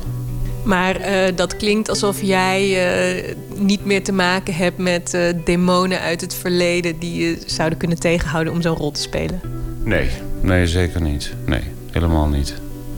Als jouw dochter thuis zou komen met een Servische vriend, dan zou dat geen probleem zijn? Um, nee. Ja, misschien wel het begin, maar ik kan me niet voorstellen. Maar het is echt. het is heel erg, uh, uh, hoe zeg ik dat, uh, hypothetisch nu. Het is moeilijk om, om te zeggen, maar ik, ik, denk niet. Ik ben nu ook, ik was laatst, ik deed een interview voor, voor een ander radioprogramma. En daar was een service meisje. En ik wist niet. En uiteindelijk hebben we begonnen om met elkaar in service te praten. Dus ik vond het prima. Zij kwam uit Belgrado. Maar het is altijd, ja, mensen zijn uh, gelijk. Je hebt uh, van, van, van uh, bij de Albanese hebben ook, net als bij Serviërs, mensen die, die niet helemaal zuiver zijn. Ja, ja precies. Ja. ja. Dus ja, dit, dit kan je nooit echt van tevoren Hi. weten. ben Zana en kom Alban op halen. Hoi Zana. Leuk om je te ontmoeten. And this is my friend Eric. Hi Eric. It's funny that uh, we are from the same region. I'm very close to your city.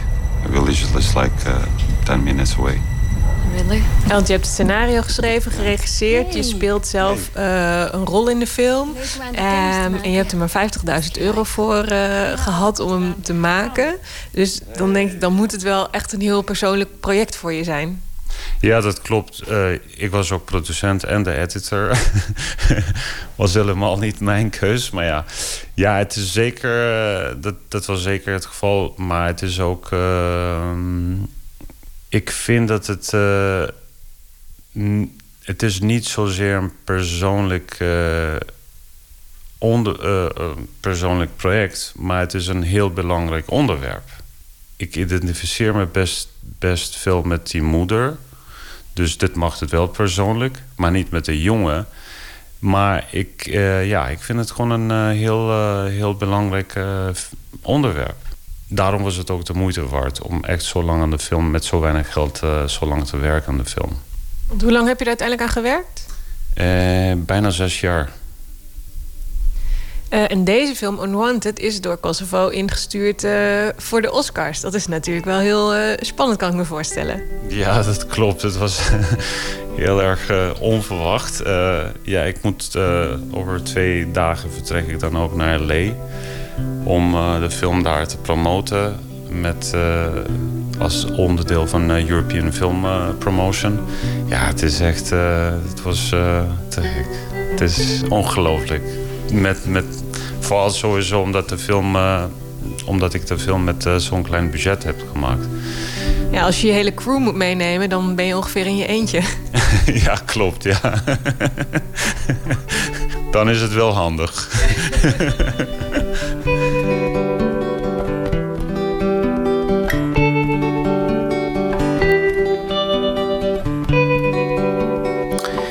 Regisseur Edon Risvanoli over de film Unwanted in gesprek met verslaggever Inge Ter Schuren.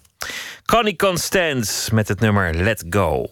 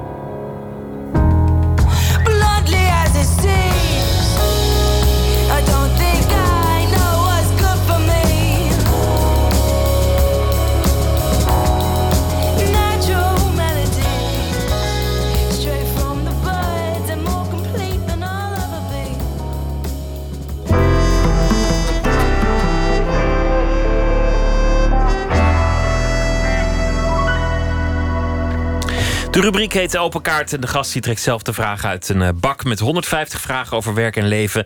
Fotograaf en regisseur Noël Lozen is hier eh, te gast. Studeerde aan de Rietveld Academie en de Filmacademie en hij heeft een eh, film gemaakt, Limburgia, die op tv te zien zal zijn in het kader van One Night Stand, een filmproject. Gaat over een Limburgse schuttersvereniging waar het jaarlijkse concours Vogels schieten plaatsvindt. Het gaat over uh, rouw, over liefde en over iemands tragische droom die nooit realiteit zal worden. Een uh, tragicomisch drama zou je het kunnen noemen. Noël Loze, hartelijk welkom. Goeienacht. Zo, eh, wel een harde G, maar je, bent je bent van, van oorsprong een, een Limburger ook, toch? Eh, ja, ik ben eh, geboren en joh, soms heb ik een harde G en soms heb ik een zachte G. Dus een beetje, ik ben een beetje. ik zit een dubbele nationaliteit, zeg maar. Dus ik ben Limburger en Amsterdammer. Maar ik ben geboren in Geleen en opgegroeid in Maastricht. En op mijn 21ste naar Amsterdam verhuisd. Om de Rietveld Academie te. Dus je, je kent Limburg, dus je, je wist ook wel hoe je het in beeld wilde brengen. Ja, zeker. Ja. En eigenlijk heb ik het decor Limburg altijd wel eh, in mijn films. Niet zo expliciet in deze, zoals in deze film, maar ik vind het. eh, het, is zo, het heeft zoiets theatraals en zoiets eh decorachtigs. de heuvels, de. ja, eigenlijk alles. En, en ook de cultuur en de andere taal. Het heeft iets heel exotisch binnen Nederland, denk ik. Mensen die elkaar aanspreken in dialect met, eh, met dig. En eh, mensen die. eh, Mooi dig. Die moet je zeggen dan, hè? Ja. Eh, Met, eh, ja, bij de fanfares zitten met, eh, met, met een, kruisje boven de deur. En Mhm. nou ja, de vlaaien komen erin voor. En, en de schuttersvereniging natuurlijk. En Mhm. het prachtige landschap. Ja, eigenlijk alles wat je over Limburg zou kunnen bedenken... dat zit wel in, in de film. Ja. Een film die lijkt te beginnen als een komische film. Een, een beetje, ja, misschien schatplichtig aan de Noorderlingen... van, van Alex van Warmerdam. Zo'n soort sfeer. Maar Ja. langzaamaan wordt het steeds tragischer. Hele mooie film trouwens, De Noorderlingen. Vond ik een fantastische film. Ja, het is een gekke film. Ik weet niet of je zo'n film nog tegenwoordig zou kunnen maken. Als in De Noorderlingen, maar... Volgens mij heb je het net gedaan. Ja, nou, dankjewel. Dat is echt een... eh, ja. Nee, ja... ehm, ja, het begint heel... eh, het begint eigenlijk heel vrolijk allemaal. En heel... eh, nou ja, Bourgondisch en met alles toeters en bellen, uniformen. Het is feest. het is feest. En, eh, maar op een gegeven moment is dat feest natuurlijk voorbij. Eh, omdat, eh, nou ja, hij probeert koning te worden. Eh, Misschien even uitleggen wat koningsvogelschieten is. Ja, ja, ik had er nog nooit van gehoord. Dus Sowieso de schutterijen, die, dat waren vroeger even heel kort door de bocht de burgerwacht. En dat is op een gegeven moment in begin 1900 afgeschaft. Of afgeschaft, in ieder geval uit functie gezet. Zijn uit functie gezet en ieder dorp had zijn eigen schutterij. En dat is eigenlijk overgenomen naar de politie zoals we dat vandaag de dag kennen. En de brandweer. En, eh, en die uniformen zijn gewoon hetzelfde gebleven sinds 1900. Maar de tradities, eh, zoals bijvoorbeeld koningsvogelschieten, dat is nog altijd, eh, net zoals dat ook in de middeleeuwen ging, dat, dat doen mensen eh, eh, vandaag de dag nog steeds zo. En dan kan je dus ieder jaar kan je, je inschrijven om eh, nou, een koningsvogel te schieten. En als je het laatste stukje hout van die vogel wegschiet, dan ben jij koning.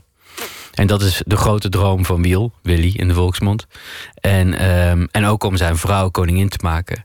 Alleen de bier is op op die dag. Eh, en dat is wel een heel belangrijk eh, dingetje, eh, dat er bier is op die dag. Want op, op het grote moment moet de vrouw er vandoor om bier te gaan halen. En alles loopt vanaf dat moment anders dan gedroomd. Precies, ja. En dan wordt het een, een tragische film.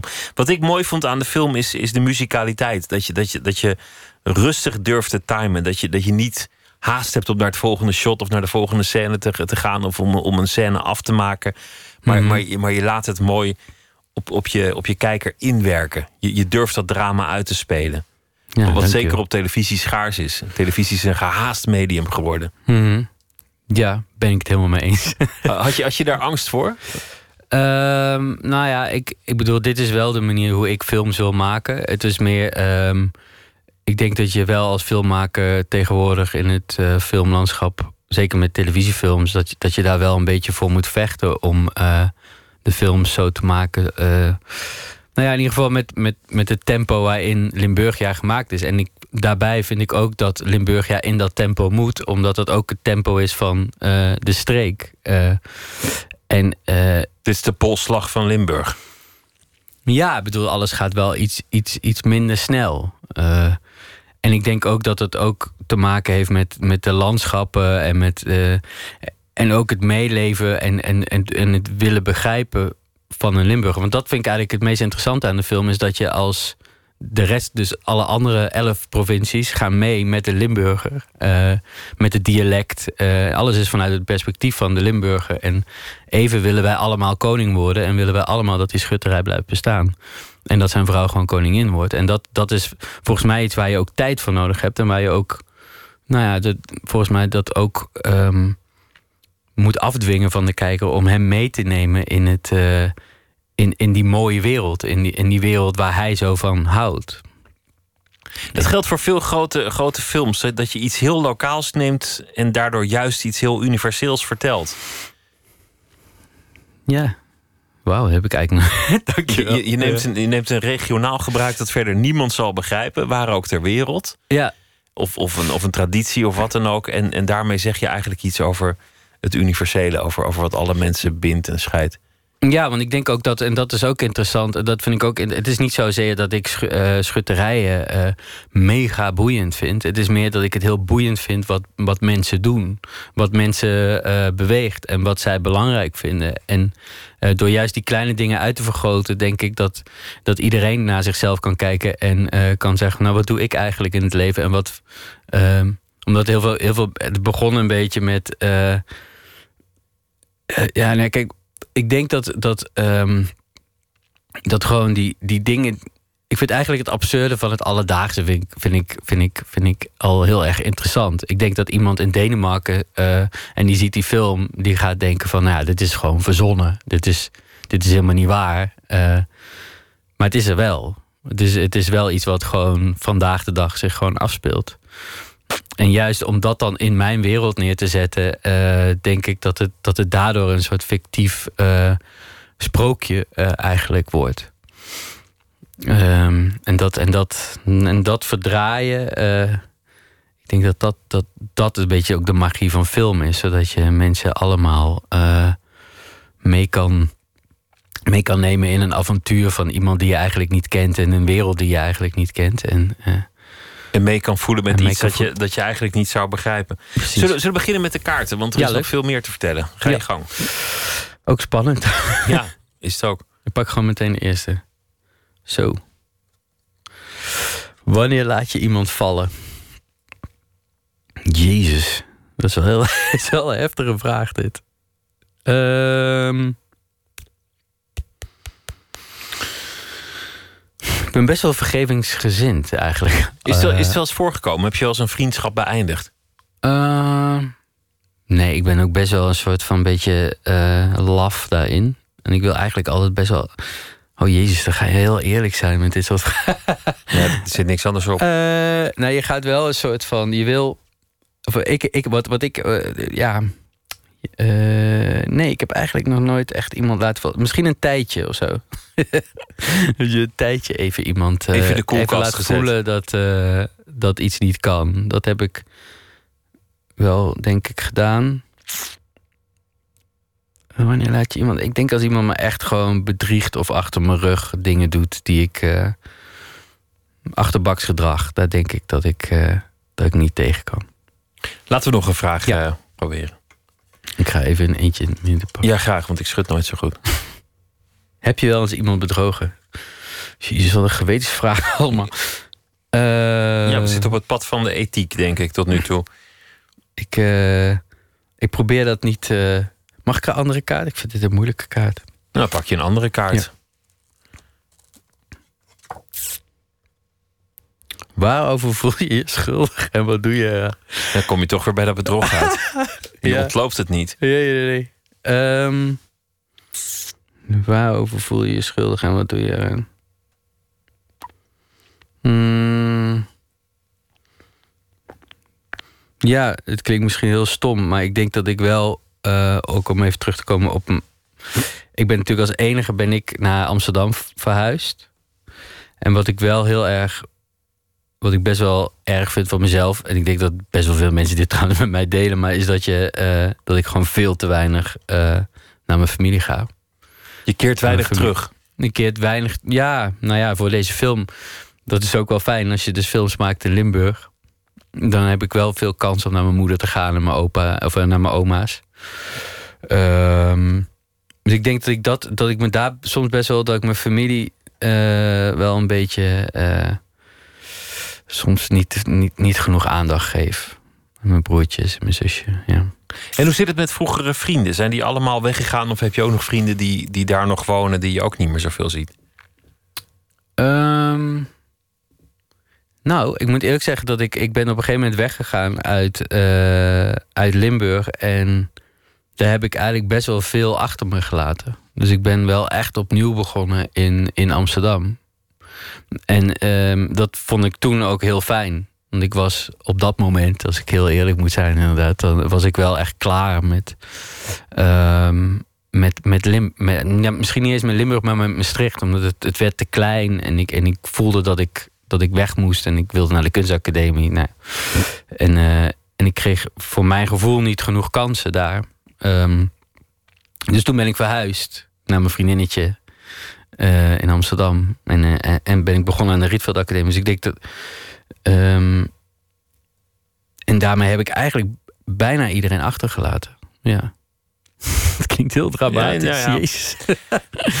Ja. Zo is het. Ja. Laten we nog een vraag doen. Wie neem je niet serieus? Zo.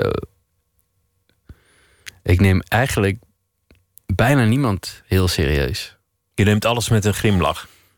Ja, omdat ik, omdat ik ook niet geloof dat alles zo serieus is. Ehm, ehm, en dat is ook een beetje mijn eigen overlevingsmechanisme. Eh, dat ik het heel, of heel fijn vind om eh, altijd een soort van eh, humor in dingen te zien. En ook in mensen. Dus ehm,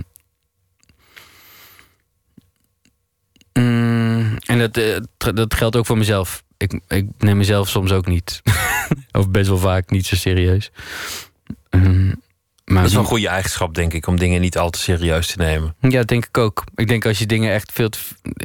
Het zijn meestal ook. e- Ik vind mensen die zichzelf te serieus nemen ook wel echt serieus.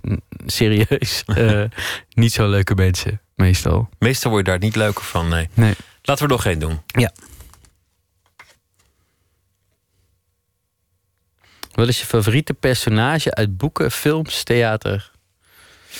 Maar alle, alle drie één? Dus boeken? Ja? Ehm,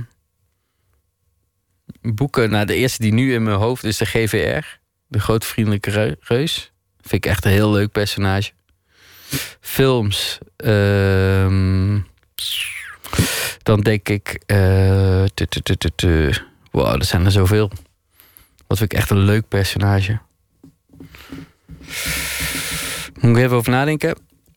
Theater vind ik ook lastig. Films denk ik. Oh, jezus. Nou ja, dat is zo lastig, hè? Je kan dingen niet voorbereiden. De, de, de GVR is Ja. ook een film en een Is ook een film theaterpersonage geworden. Nou ja, laten we het gewoon bij die leuke reus houden. Ja. Nog, nog één allerlaatste vraag. Yes. De, de oervraag. Oh, die zou ik niet doen. Nee? Nee, nee, de vorige zou ik niet doen, maar die, die is alweer voorbij. Wel- Welke is dit? Nou, deze vind ik ook vrij pittig. Hoe zou je het liefst sterven? Oké, nou, dat, is, eh, vind ik wel een leuke vraag. Ehm, ik denk tijdens de seks. Nee, joh, dat kan je eh, zo'n meisje niet aandoen. Oh nee, dat is waar. Nee, joh, dan ligt ze, Eh. ligt ze daar. Een, on- onbevredigd met een lijk. Nou ja, ik, dit is inderdaad weer heel erg egoïstisch. Sorry. Na de seks. Ja, maar dat is ook, is ook niet lief natuurlijk. Even kijken. ehm, Na de seks als zij al naar huis is. ik, ik kan absoluut geen afscheid nemen. Dus ik, eh, ik zou gewoon het liefst eh, willen dat ik eh, zo... ehm, Ik hoorde laatst van iemand die was gaan wandelen in Italië... en die is gewoon tijdens de wandeling zo ploef ingestort... op een van de mooiste plekken, die, wat hij ook de mooiste plekken vond. Ik denk zoiets. Dat, dat je gewoon meteen weg bent. En ja, Jezus van een... Wat een vraag. Ja, volgens mij sterven, sterven gewoon eigenlijk helemaal niet leuk. Maar, eh, Nee. maar goed, dan in ieder geval nog op een mooie plek. Ja. Noël, dankjewel voor, eh, voor je komst. En eh, de film is te zien op televisie bij eh, het eh, project One Night Stand Limburgia. En eh, het is te zien, ik heb het, ik heb het hier staan, ehm, vrijdag om half elf op NPO 3. Dankjewel. Dankjewel.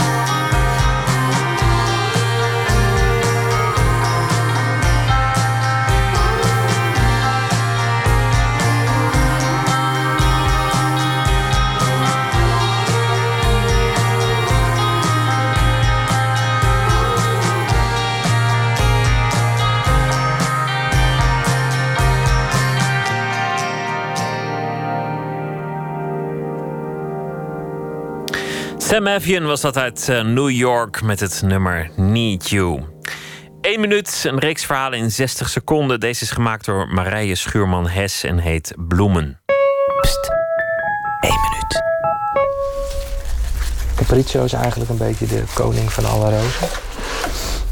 Als die openkomt wordt hij heel mooi oker, okergoudachtig. Dan blaas ik hem altijd even in. Er kwam hier in de winkel een, ja, een oud tantetje. En die kwam in de winkel wat bestellen bij mij. Het was voor de kerst. En ik geloof dat dat eh, dan haar, eh, haar zuster was.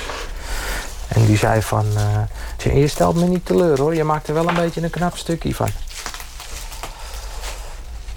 En nu kwam ze terug en ze zegt van... Nou, ik laat het volledig aan jou over, Anton. Want je hebt verleden keer zo mooi gemaakt, maar het is nu voor de man. Het was eh, behoorlijk kort op elkaar. Dus eh, je kunt eigenlijk wel zeggen dat diegene is overleden aan een, eh, aan een gebroken hart. Dan vaak is het zo dat een paar maanden later... dat je rouwwerk maakt voor de volgende. Voor de partner. In dit geval de man.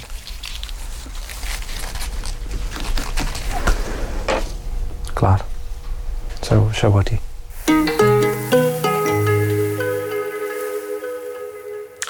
Gerard van Emmerik is eh, schrijver en deze week ons eh, vaste chroniqueur. Hij zal elke dag een eh, verhaal maken bij de dag die is gepasseerd. Goedenacht, Gerard. Goeiedag, Pieter. Ik moest vandaag nog wel een paar keer aan je denken met je MeToo-verhaal van gisteren. De seks in het washok. De seks in het washok. Het, het, het was niet het soort MeToo-verhaal van... oh jongens, kijk eens wat mij is overkomen. Het was meer een soort verbazing van... wat was dat eigenlijk? Wat een, wat een raar verhaal was dit. Ja? Eh, zo heb ik het geïnterpreteerd althans. Ja, ja, ja, ja. Nou, het overkwam mij ook. Dus, eh. Ik ben benieuwd wat je vandaag eh, hebt gevonden. Ja, nou, er is nu die, die terreurdaad in New York, maar dat, eh, daar zullen morgen de kranten wel over gaan. Maar daar had ik geen tijd meer voor om daar een tekst over te maken. En vandaag gaat het andermaal over seksueel misbruik. Omdat alle kranten daar de, daarover schreven, ook weer de serieuze bladen. Het houdt niet op. Het is, eh, het is het onderwerp van, eh, van de herfst dit jaar. Ja, Kevin Spacey weer, hè, die een uh, oeuvreprijs niet meer gaat ontvangen. En opnames van House of Cards die zijn stilgelegd. En dan die ruzie tussen Brand Korstius en zijn vermeende verkrachter. En dan Polanski, tegen wie geprotesteerd werd. Nou ja, ik zat vandaag te denken aan, aan, aan daders en slachtoffers... en dan vooral ook aan de partners die ze waarschijnlijk zullen hebben. En dat levert het verhaal van vannacht op. Ik ben benieuwd. Hij had het interview niet teruggekeken. Zijn vriendin blijkbaar wel. Ze zei er niets over toen hij thuis kwam... maar aan haar ogen en mond zag hij dat het mis was. Dat ze niet kwaad was of verdrietig, maar iets veel ergers. Ze vroeg of hij al gegeten had. Iets in Hilversum, zei hij. Tonijnsalade, niet te vreten, plastic. Nou, er staat nog chili, zei ze. Maar warm het zelf maar op. Haar telefoon ging. Ze controleerde het schermpje. Onbekend, zei ze. Niet opnemen dan, zei hij snel. Vast een journalist. Hij liep naar de keuken. Een chaos was het er. Hij zette de vuile borden, kopjes en bekers in de afwasautomaat. De pan met chili stond zonder deksel op het aanrecht. Hij pakte een lepel en nam een paar happen. Snel keerde hij terug naar de kamer. Ze stond nu voor het raam. Buiten was het donker. Weer ging haar telefoon. Ik neem hem, zei hij. Hij liep ook naar dat raam en nam het toestel van haar over. Een vrouw met een heese stem vroeg of ze met de heer of mevrouw Brandt Corvius sprak. Bijna correct, zei hij. Nou, een hele goede avond in ieder geval, zei ze. Komt het gelegen, meneer? Ik mag u een scherpe aandoening, aanbieding doen. Wie is momenteel uw energieleverancier? Hij verbrak de verbinding. Wie was dat, zei ze. Niemand, zei hij. We iets leuks gaan doen dit weekend. Zoals? Vroeg ze. Verkrachtertjes afschieten, zei hij. Dat lijkt me wel wat. Ze bleef voor zich uitstaren. Niet leuk, zei hij. Nee, niet bijzonder leuk, zei ze. Voorzichtig sloeg hij een arm om haar heen.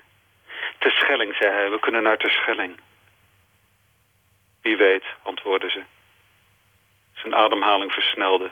Dan nemen we dat hotel weer, zei hij, met die grappige bedstee. En we gaan wandelen op het strand. Lekker in de storm. Op de Schelling kijken ze ook tv, zei ze. Hij sloot zijn ogen. Dan nemen we een kamer zonder, zei hij. Over de partner van eh, een van de mensen eh, in, in het nieuws. Het heeft wel een wending genomen die voor niemand nog goed is, volgens mij.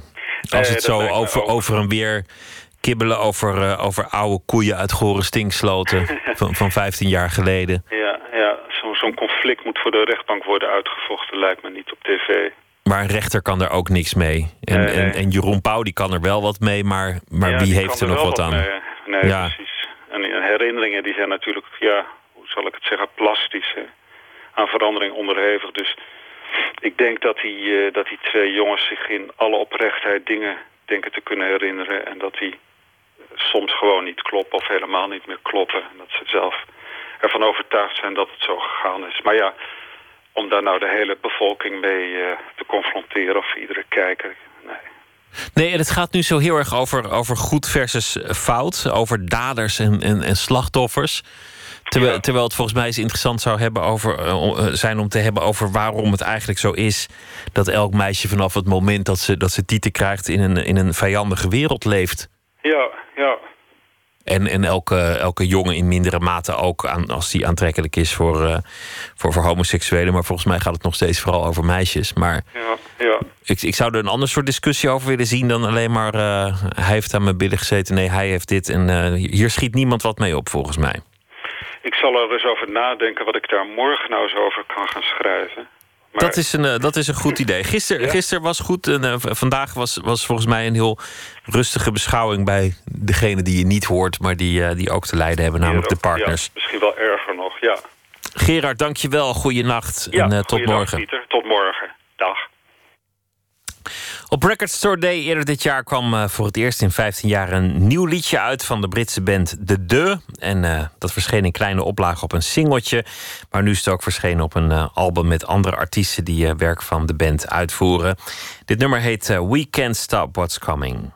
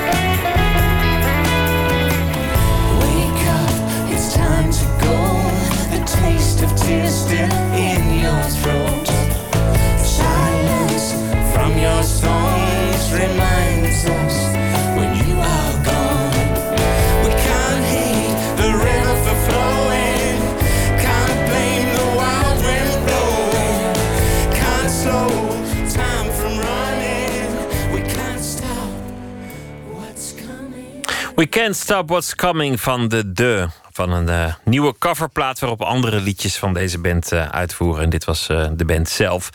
Poëzie van Charlotte Mutsaars. Feit of fictie in haar poëzie maakt het allemaal niet zoveel uit. We gaan luisteren naar eh, Rikkelrak van het gelijknamige nieuwe album... dat ze heeft gemaakt samen met Louis Gauthier.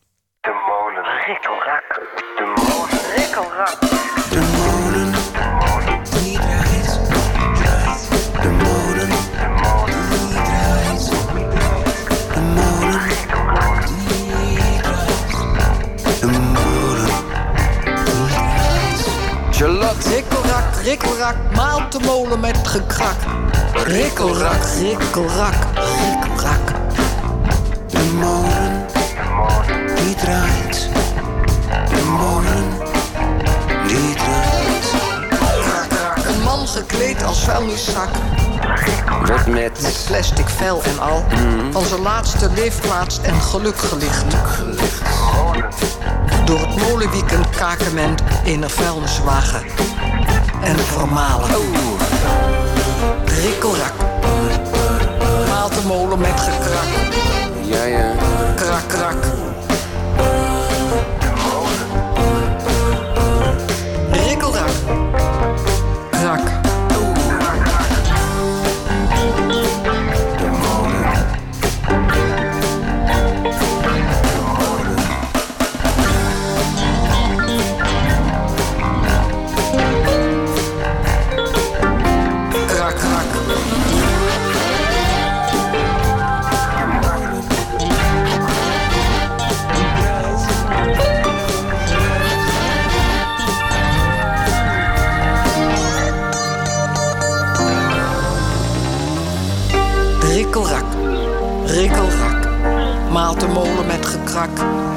Hier ziet men hun contour, fijn gemalen op de vloer.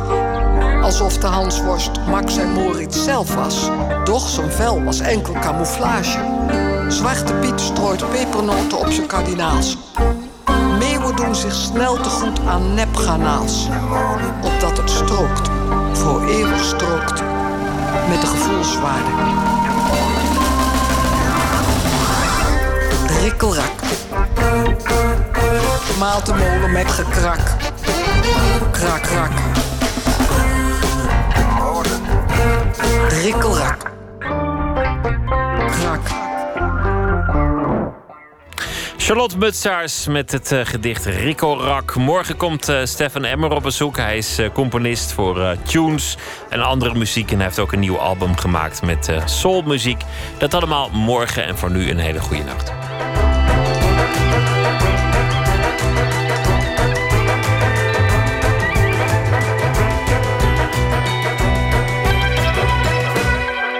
Radio 1, het nieuws van alle kanten.